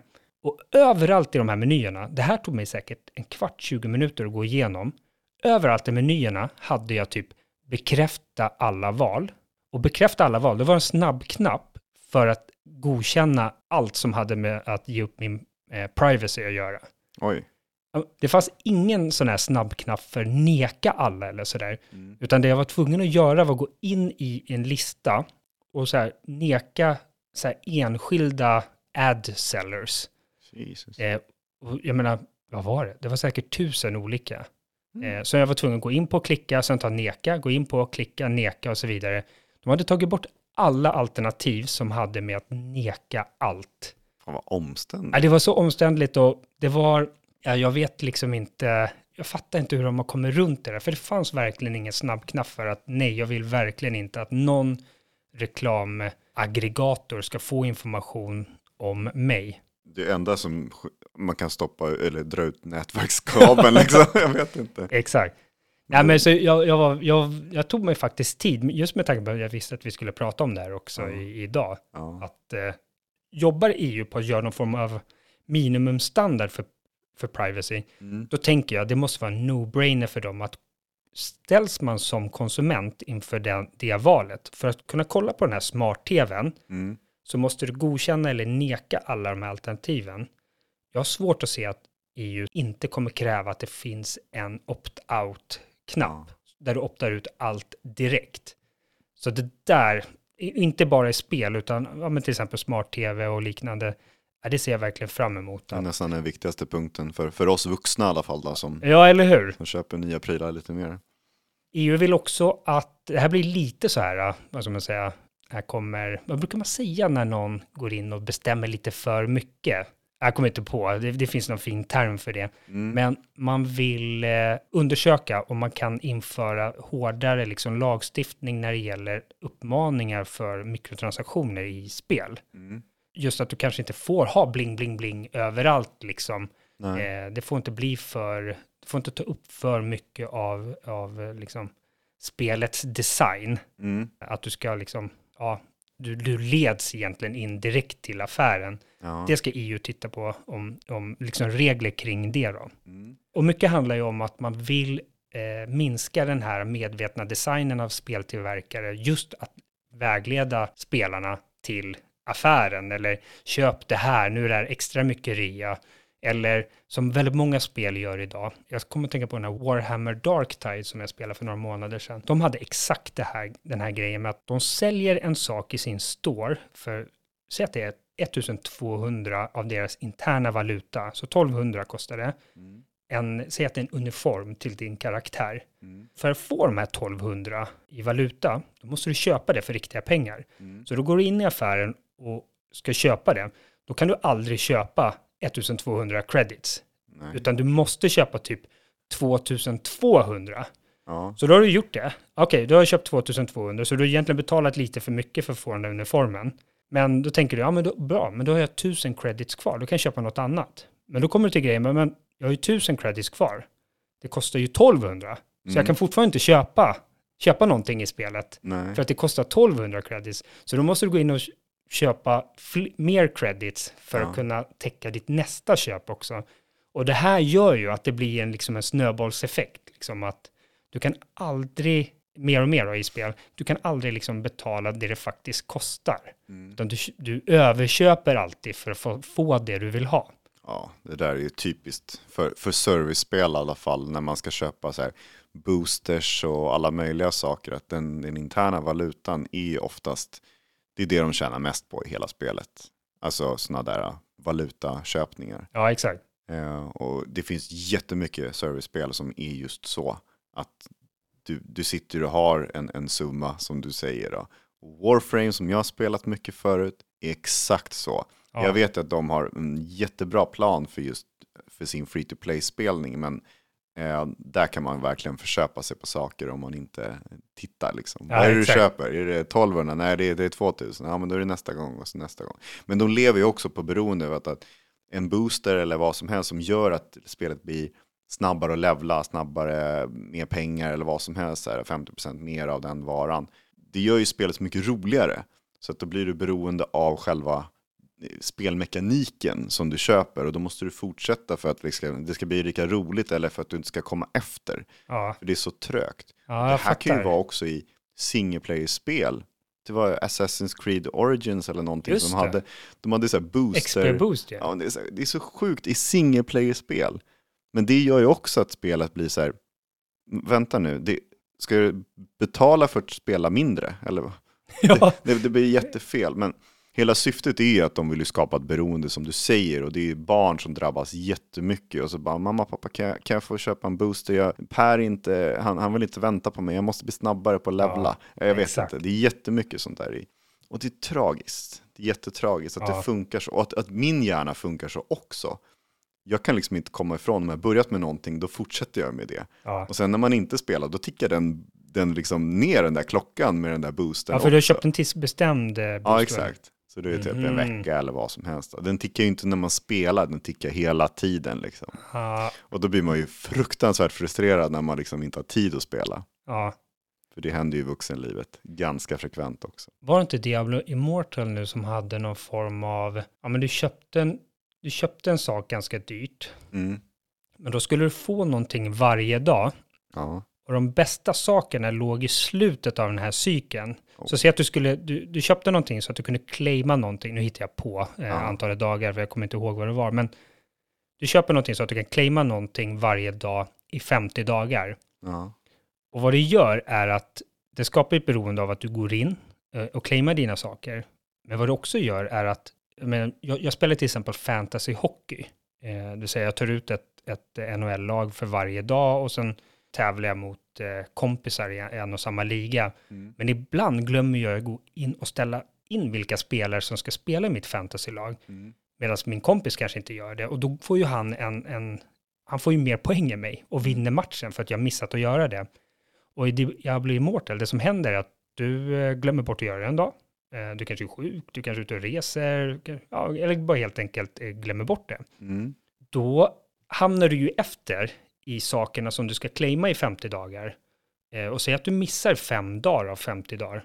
Och då missar du det bästa, för det Den ligger ju på sista, ja. slutet. Ja. Så det är ju det är, alltså det är så förrädiskt gjort. Ja. Så att nej, jag är så glad att EU ska titta på det här. det här. För mig var det här veckans bästa nyhet.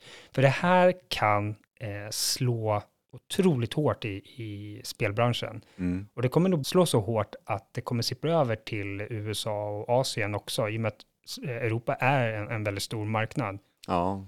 Det är svårt att göra olika spel, alltså samma spel som olika spel. Ja, För det är nästan så att de måste ta, ta sig an den lagen också. Då. ja men exakt.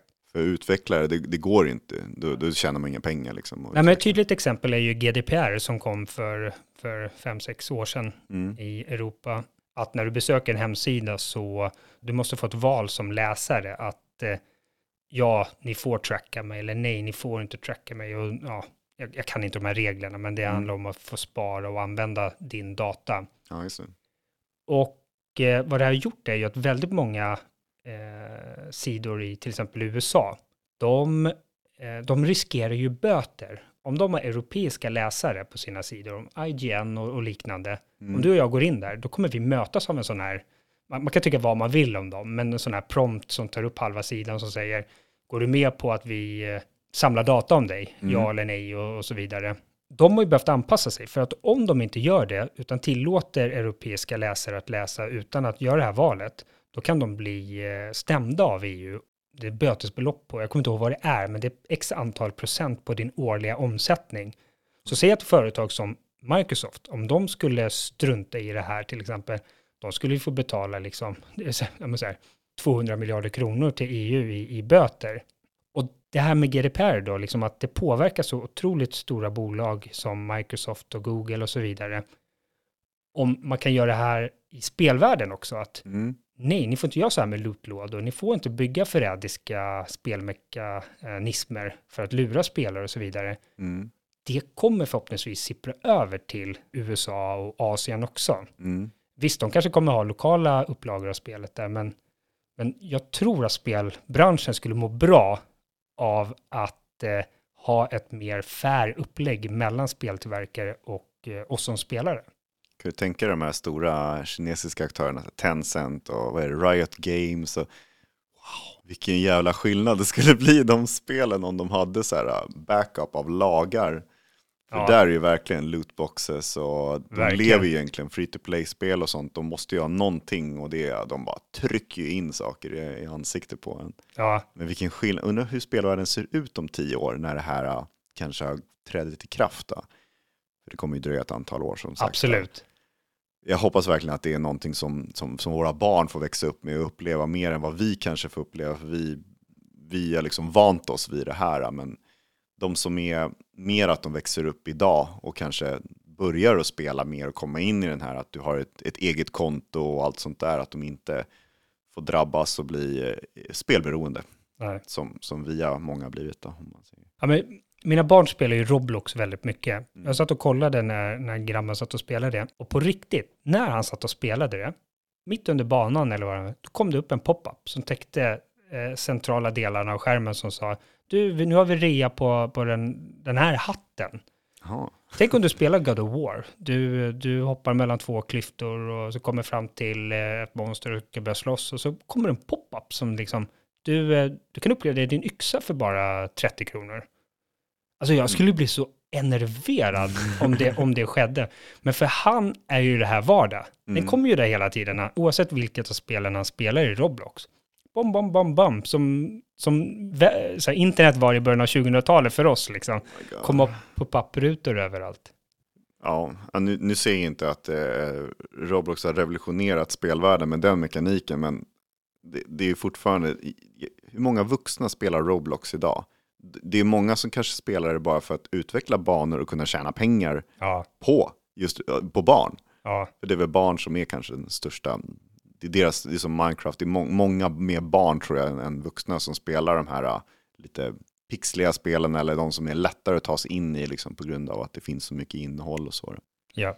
Ehm, Playstation har ju det här Dreams, Just det. där man kan bygga vad som helst i. Ja, Men jag har ju inte sett någonting av att det finns några microtransactions inbyggda saker där, utan det är bara eh, fansen som bygger någonting och, Ja, det. och liksom, det, det är bara, bara positivitet. Varför kan inte det komma till de andra spelen? nej. Men det, ja, jag förstår ju varför. Det är, det är så otroligt mycket pengar som... Ja, men det är en bra liknelse och är bara kolla på Dreams idag. Det finns, det finns säkert entusiaster som spelar det, men det har ju inte slagit, alltså det är ju inte... Nej, nej, det är inget sånt. Men det är ju på grund av att det inte går att tjäna pengar Nej, kanske exakt. också. Så det är nog mellanting där som man kanske... Ja, Är det inte så de här Steam Workshop funkar, liksom att moddare kan göra ja. moddar och sälja dem också? Som eh, Skyrim hade förut när de implementerade det, att de som skapade moddarna kunde tjäna pengar på Just sina det. moddar. De fick en summa av, av, Steam då när folk köpte. Ja, just det. Warframe har ju så, förlåt om jag säger det, men de har ju också så här att eh, gör man ett skin som privatperson, då kan det komma med i spelet och då kan man eh, stödja de som har gjort skinnet istället för att ge direkt till Digital Extreme då, som släpper, eller som tillverkar spelet. Om man säger. Så då får ju de en stor cut av det. Och då köper man ju egentligen eh, någonting som en privatperson har gjort istället. Då, för att ge till företagen. Ja, Eh, det. Det finns ju mycket mellan länder sådär. Men de har ju inte slagit alls lika stort. I Roblox kan jag tänka mig att det är, det är nog eh, hiskliga mängder pengar som, som du säger som är omlopp. Även fast det är små belopp så blir det jättemycket om alla går in och köper fem kronor hit och tio spänn dit och sånt där. Ja, Som vi snackade om i mobilbranschen, att det är så lätt väg in i plånboken. Säkerligen så tänker ju inte barn på det heller. Jag hoppas att det här kommer bli något resultat. Att det kanske går i små portioner. Att det inte är bara från 0 till 100 på en gång. Att det är några små grejer som implementeras i lagsystemet i Europa. Eller hur? Med, med, med liksom, ja, det kommer ju dröja fem år. Alltså, man skojar inte. Det är en lång process för att allting ska implementeras. Ja, men exakt. Ja, men den, den som lever får se, höll jag på att säga. Men Mm. kommer ju garanterat leda till, till något bättre. Det är jag helt övertygad om. Men som sagt, inga, som du är inne på, inga, inga förhoppningar om att det kommer ske de närmaste två, tre åren direkt. Nej, tyvärr.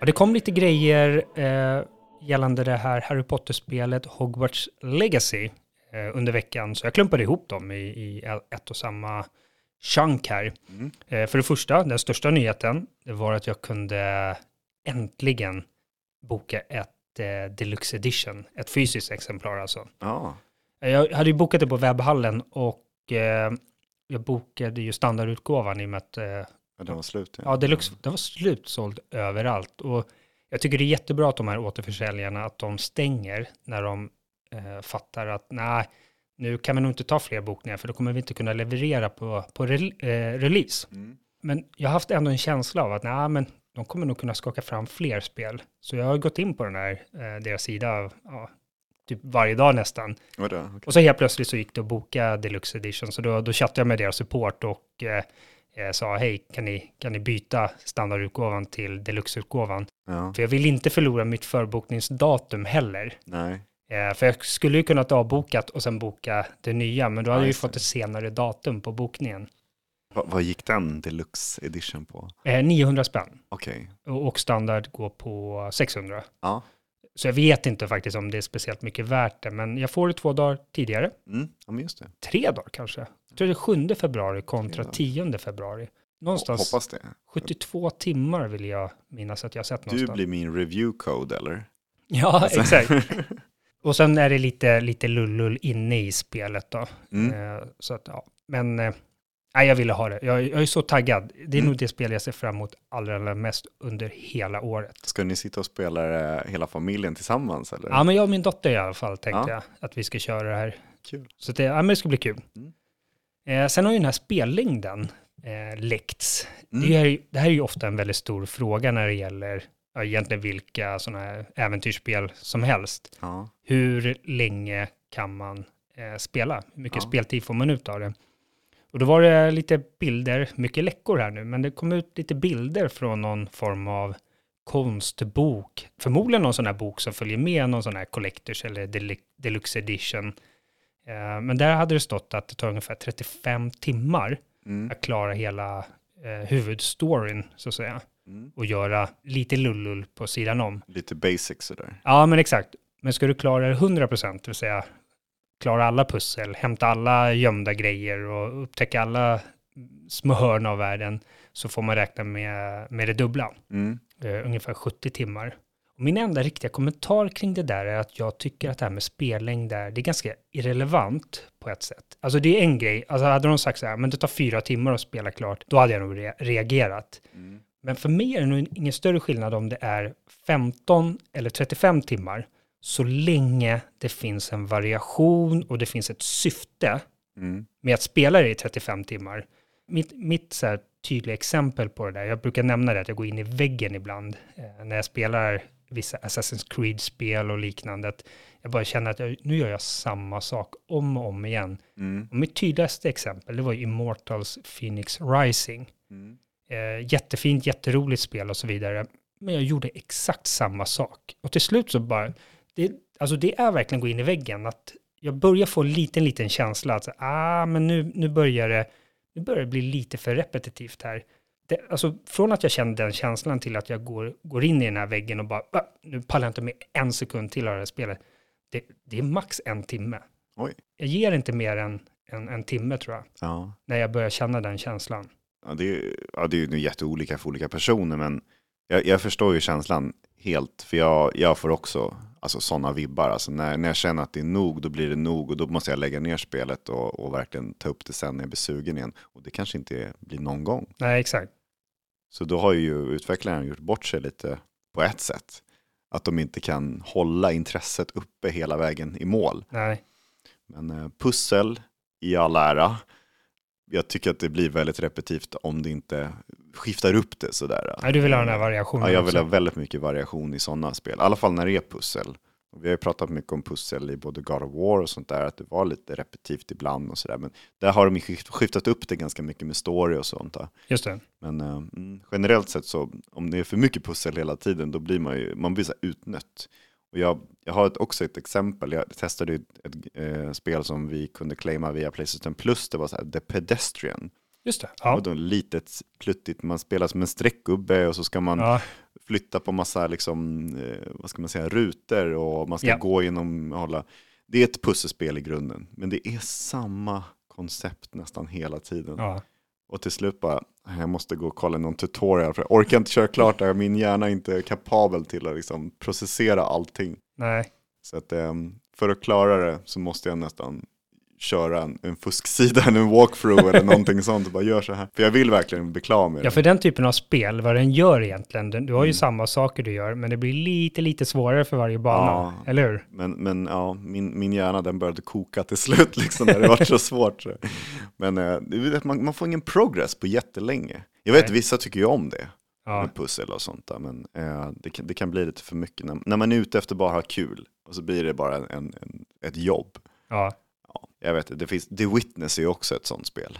Ja, just Jag, bara, det. jag, jag tog mig igenom liksom hälften av, av, av spelet. Det var jättesvårt verkligen till slut. Och man ska hitta mönster och det är Ja, mycket, mycket, är ett Exakt. charmigt spel alltså, men otroligt mycket liksom hålla reda på. Så till slut var det bara, nej jag måste walkthrough och kolla igenom, vad fan ska jag göra? Jag kommer inte på vad jag ska göra liksom. Nej. Då är ju ett uttalat sånt spel. Ja, Det är exakt. ju pusselspel. Jo, det är inte till för mig egentligen. Jag är bara intresserad av det och sen så bara, det, det tog mig med storm bara för att det var så snyggt också. Ja. Men det här är ju till för, för sådana som verkligen kan tänka Ja. under längre stunder. Ja, men exakt. Men jag tänker till exempel, nu nämner jag Immortals igen, där, Immortals Mm. Phoenix Rising. De hade ju en del pusselmoment, det var ju väldigt mycket action. Mm. Men sen på vissa ställen behövde du klara pussel och Mm. på tid och så vidare.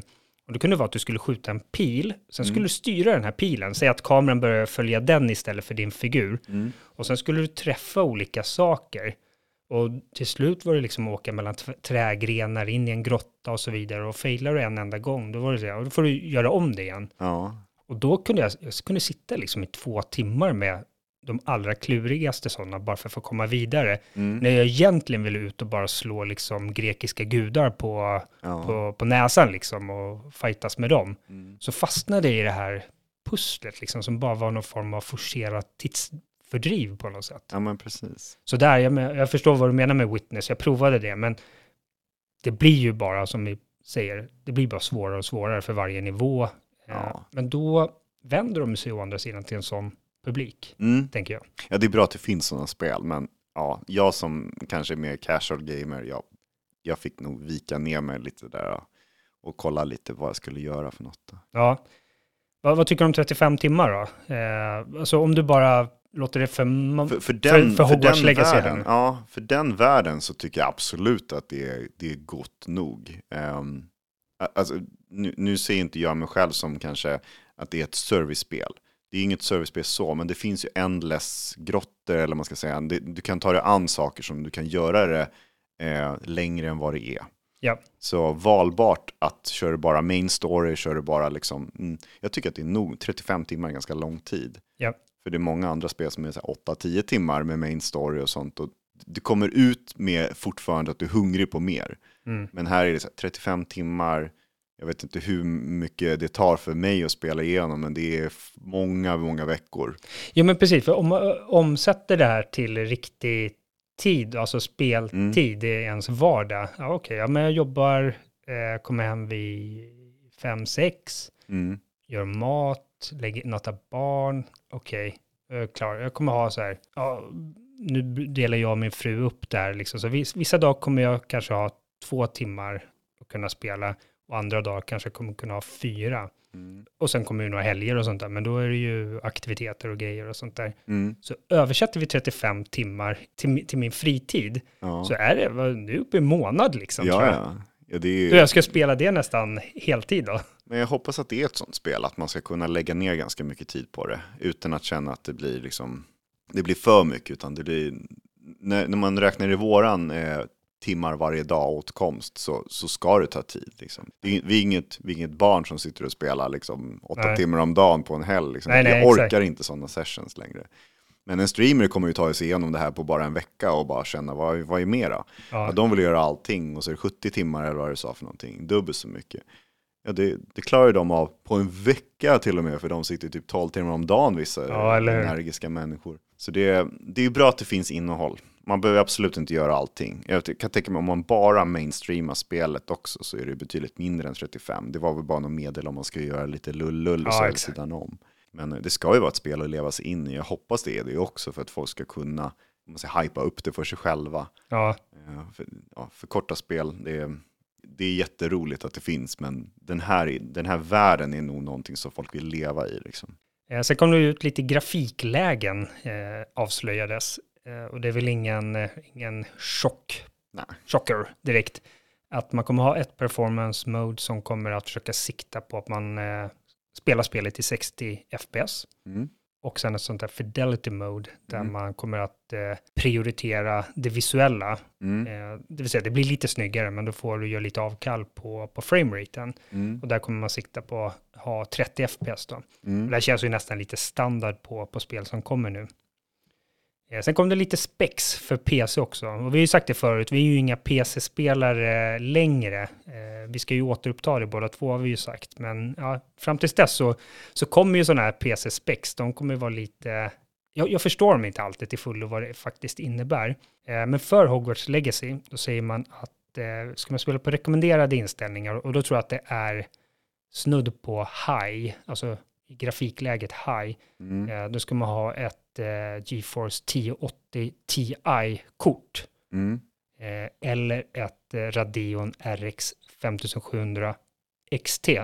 Säger mig ingenting egentligen. Jag är så Aj, dålig jag- på PC-spexkort. Ja, men jag, jag har hyfsat koll på GeForce. Eh, Mm. 1080 Ti, det var nog ändå ett par år sedan den kom. Så det, det sitter nog väldigt många eh, människor på, på, Ja. på ett sånt kort. Och förhoppningsvis på ett motsvarande Radeon-kort. Mm. Så ska man helst ha ett, eh, eller man måste ha tror jag, 16. RAM-minne på 16 gig. Ja. Jag tror att det är minimum. Eh, och sen ska man ha i7-processor. Mm. 8700-modellen, du vet det. Så du Mm. vet vad du ska köpa för någonting. ja, precis. Eh, ska du köra det här i Ultra och i 4K, då rekommenderas ett RTX 3090-kort. Mm. 3090 Ti. Jag vet Mm. inte vad det här Ti står för, men jag gissar på att det är mer, mer minne eller fler CUDA cores eller vad de nu eh, Mm. babblar om när det gäller grafikkort. Men det kräver ju alltså mindre än Forspoken då. För Ja. där sa du att det, det krävdes det ett 4080-kort för, Ja, det var för High Ultra. Performance Ultra, ja, precis. ja, Ehm, så det här är lite Nu- bättre Nu optimerat. hoppas jag att det kanske var någon sorts rykte eller något sånt där, men alltså det är så konstigt om de optimerar det för att man ska, man ska inte kunna spela det i Ultra när man ens, inte, om man inte har köpt ett grafikkort på ett år, då är det så här, då är det kört.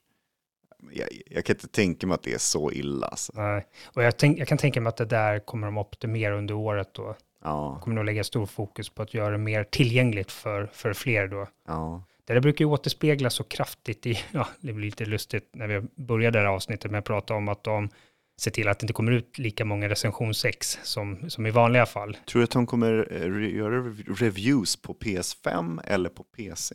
Det brukar vara liksom att de... Vi får se. Kommer Reviews på PS5 brukar ju vara standard nästan. kommer du ihåg Cyberpunk? De hade ju, eh, de, de gjorde ju verkligen kontrollerad recensions... Ja. Eh, Vad körde de Story. för på PC va? de, de tillät bara PC och de Ja. tillät bara att du använde material som eh, CD Projekt Red och- hade Ah, Så du fick inte spela in någonting själv Fan, för att kunna lägga upp på din YouTube-recension, utan du var tvungen att använda deras material. Jättekonstigt. Mm. Eh, jag tänkte att vi skulle avsluta lite grann med lite tv-seriesnack. Mm. Eh, och jag kan väl börja med att säga att jag och grabben har ju börjat titta på lite tv-serier ihop Mm. och nästan uteslutande bara gaming-relaterat. Först kollade vi på den här Sonic Prime som är en Netflix-serie. Den Mm. kom, eh, jag tror att den kom i somras, strax efter sommaren tror jag, på Ja. Netflix. Eh, och det handlar ju om Sonic eh, och hans kompisar och Är den tecknad eller animerad eller är det dataanimerad? Alltså? Eh, det är datoranimerat. Datoranimerat, ja. Jättesnyggt. Alltså Okej. så snyggt. Okej. Eh, det skiljer sig ganska mycket från filmerna som vi också har sett. Mm. För där är ju Sonic eh, och hans kompisar och fiender, de är ju animerade, men han har ju en mänsklig polare. Mm. Så att det är, det är en hybrid av, Aha. det mesta är ju i, på riktigt filmat, Ja. men Sonic är ju förstås Ja, eh, ja. animerad. Då. Men det här skiljer sig ganska mycket. Det här är mycket mer liksom glättrigare, eh, medan i, i filmerna ser ju mer real, realistisk ut. Mm. Där är det ju jättenoga med att hårstråna syns och följer det. vinden och sådär. Medan här är han ju bara, det är som att man spelar ett jättesupersnyggt tv-spel. Okej. Och den här serien tycker jag är riktigt bra. Och Mm. även de svenska rösterna i det. Eh, kanonbra verkligen. Och det är samma röst i filmen, Christian Hedlund, Mm. som, eh, som spelar Sonic i, i filmerna. Han gör även rösten i Sonic här i serien. Mm.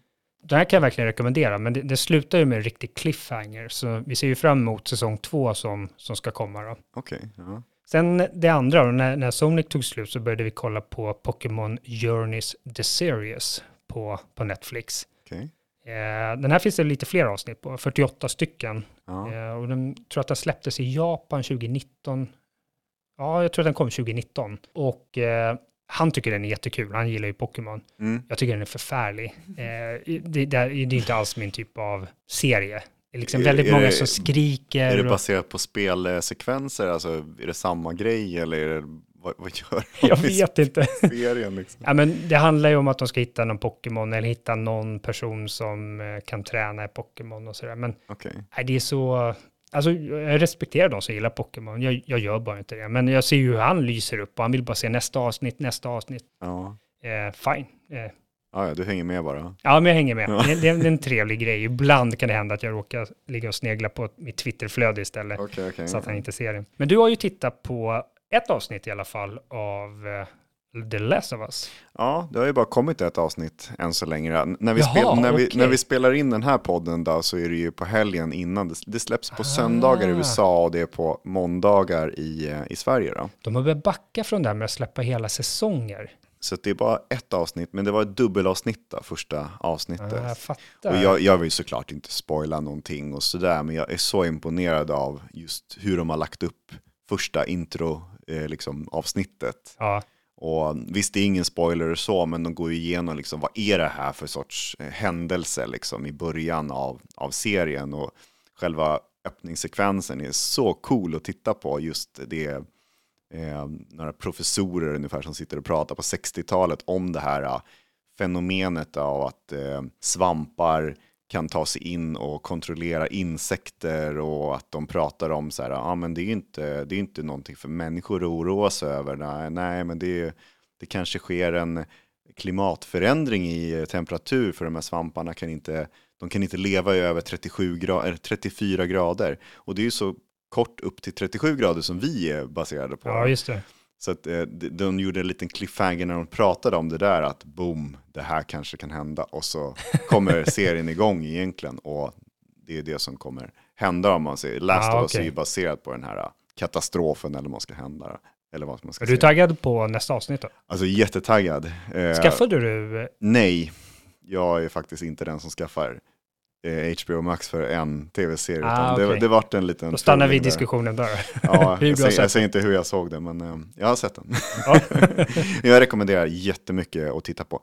Och det är nästan bättre att inte spela spelen bara för att få en mera så här, överraskning. Mm. För det är väldigt baserat på, på spelen då. Ja, just det. Ja, Jag, Och det, det, inte, det, jag, är ju det det skulle vara. jag har ju spelat i några timmar, det, Mm. för, det första spelet. Vi får se vad du tycker om, eh, de alternerar ju lite senare och sånt. Det är inte helt 100% av vad serien, ja, mot vad spelet Nej, är, mot vad serien är. Utan Nej, de måste ju fylla ut med mer. de bygger ut lite grann, ja. Men det är jättebra gjort. Och ja, jag, jag längtar verkligen till nästa avsnitt också. Coolt, då kanske vi får någon recension i framtiden. Något utlåtande om, om hela säsongen höll? Ja, ja, det var ju så många som, som liksom prisade den här äh, öppningsavsnittet också. Det tittar man ju på IMDB och Metacritic. och Alltså, det, det, var, det var fantastiska resultat på den där betygsskalan. Det var ju, Ja. Jag tror jag var uppe på 9,5 av 10 i början och sen droppade den till 9,4 eller något sånt. Jag vet inte vad det ligger på nu idag, jag har inte tittat på några Det dagar. kommer ju alltid sådana här som, nej men gudfadern ska vara nummer ett på IMDB. Vi, nu går vi in och... Alltså massklickar upp den. Exakt. Men nej, men, eh, det, det märks att det är en superproduktion. Ja. Så Och du hade All- sett all- att spelet också har fått en liten, Ja, vil- just det. vilket Witcher och andra spel har fått mm, efter tv-serier och så vidare, så har även Last of Us börjat sälja lite bättre då. ja, jo, men det, det är mycket man läser på Twitter och sånt. Och då, då var det ju Amazon i USA som de hade en, en screenshot ifrån att ah, men nu ligger Last of Us 2, eh, om man ser episod 2 där, eh, ligger ju etta på PS4-listan. Ja. Och så låg ju ja, den, den eh, remaken, om man säger som kom för några år sedan, eh, eller remastern var det väl till, till Last of Us, den, eh, den låg ju också högt. Och sen den här PS5-versionen, re, re, det är mycket olika versioner. Ja. Remaken till PS5, den hade också börjat höja sig. Och så. Spelen får ju ett, en skjuts av serien också. Så jag vet inte hur många som inte har spelat spelet alls som tittar på serien, men precis som The Witcher så tror jag att det blir en sån effekt. Att det är många som bara, what, finns det ett spel till det här? Liksom. Ja, just det. Det baseras på det också. Ja, just det. Ja, men spännande. Mm. Och veckan nu som kommer, eller nu när ni lyssnar på det, så kommer ni ha hela den veckan framför er. Så ja, vi har ju nämnt att Forspoken kommer komma. Den kommer ju släppas den 24 januari. Mm. Eh, sen två dagar senare, den 26 januari, då kommer Wonderboy Collection. Mm. Det är ju inget stort släpp direkt, men för mig personligen, jag spelade jättemycket Wonderboy när jag var liten. Eh, och då framförallt på min Amiga. Mm. Det här är en ja, collection då, en samling. Eh, det är 26, nej vad säger jag, 21 olika versioner på sex olika spel. Och jag, jag kollade vilka versioner det är. Jag hade ju hoppats på att det skulle vara Amiga-versioner, för Amiga slog ju liksom Nintendo och Sega Master System på fingrarna verkligen när det gällde grafik och ljud och så vidare. Men tyvärr är det bara tv-spelsversioner som, som kommer att komma i olika Okej. varianter. Ja, Eh, men det där kommer jag faktiskt kika på och se om det... det gör det. Okej. Ja, Mm. sen, ja det är inget spelsläpp, men samma dag så släpps eh, DualSense Edge.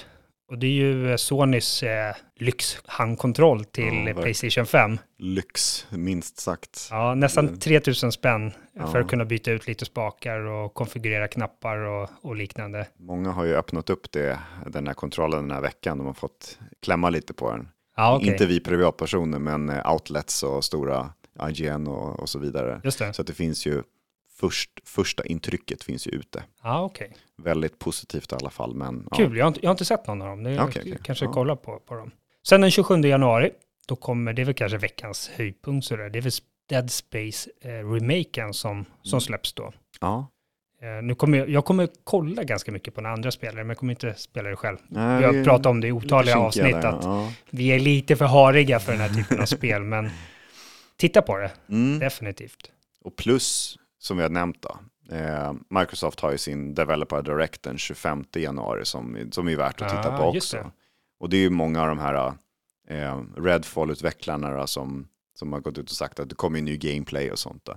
Och jag kan ju tänka mig att alla kommer få datum, alla kommer få gameplay, alla kommer få liksom proper info. Sen så undrar man om det kommer någonting mer än de här fyra stora som, har, som de har listat. Då. Ja, Så det kan ju vara någon surprise. Hoppas det. Se.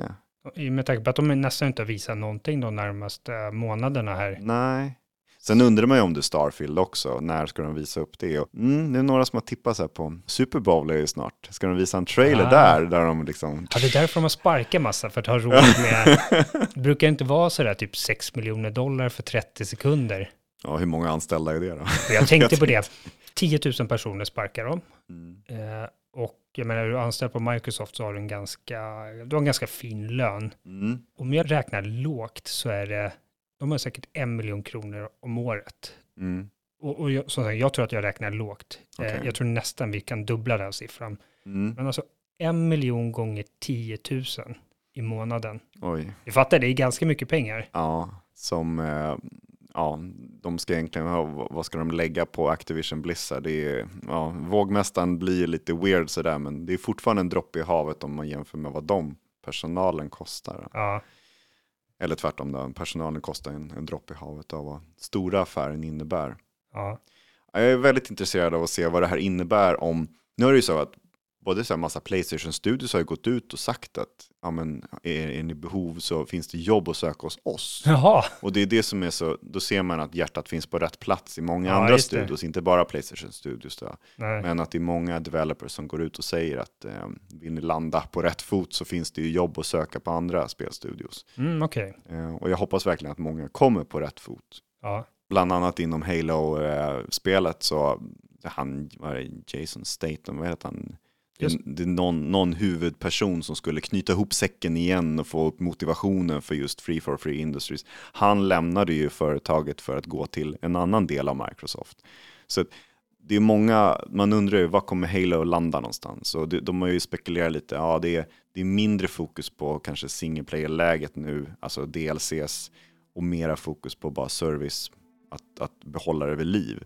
Och sen att kanske till och med andra eh, företag får gå in och ge, kanske id Software får gå in och ge sin boost på det spelet. Eller, ja, men någon, det. någonting Man så här- lånar av varandra Ja, exakt. Det, det finns ju potential inom Befesta till exempel och ta över en sån franchise. Mm. Alltså mera hjälpa till. Så att de, de kan gå ner i personal om det är så att det inte levererade. För det var väl en av världens dyraste franchises med det här Halo Infinite. Så vi får se var Säkert. det landar någonstans. Det, det är mycket kul att spekulera i. Men jag är intresserad av att se. Halo är ju en så stor franchise. Vad kommer Microsofts maskot vara framöver om inte Halo är där? Starfield-stjärnan Ja, vem fan är det?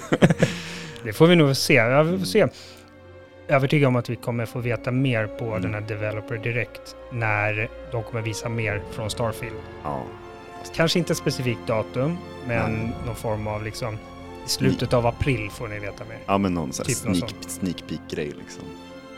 Det är ett ganska långt avsnitt det här, min, min kära vän Henrik. Eh, jag tror att det är dags för oss att runda av. Så vi vill väl, vill vi det? Vi vill tacka. Ja, jag det. tackar varenda gång. Står och bugar och niger och Exakt. Ja, men tack så jättemycket för att ni har lyssnat på ytterligare ett avsnitt av eh, vår podcast Gamea. Det här var det tolfte avsnittet. Nästa avsnitt det kommer den 30 januari. En måndag som vanligt. Fram tills dess så får ni väl besöka oss på Twitter där vi heter Gamapod eller mejla oss på respons gamapod.se. Yes. Ha det så bra. Ha det bra. Hej då! Hej.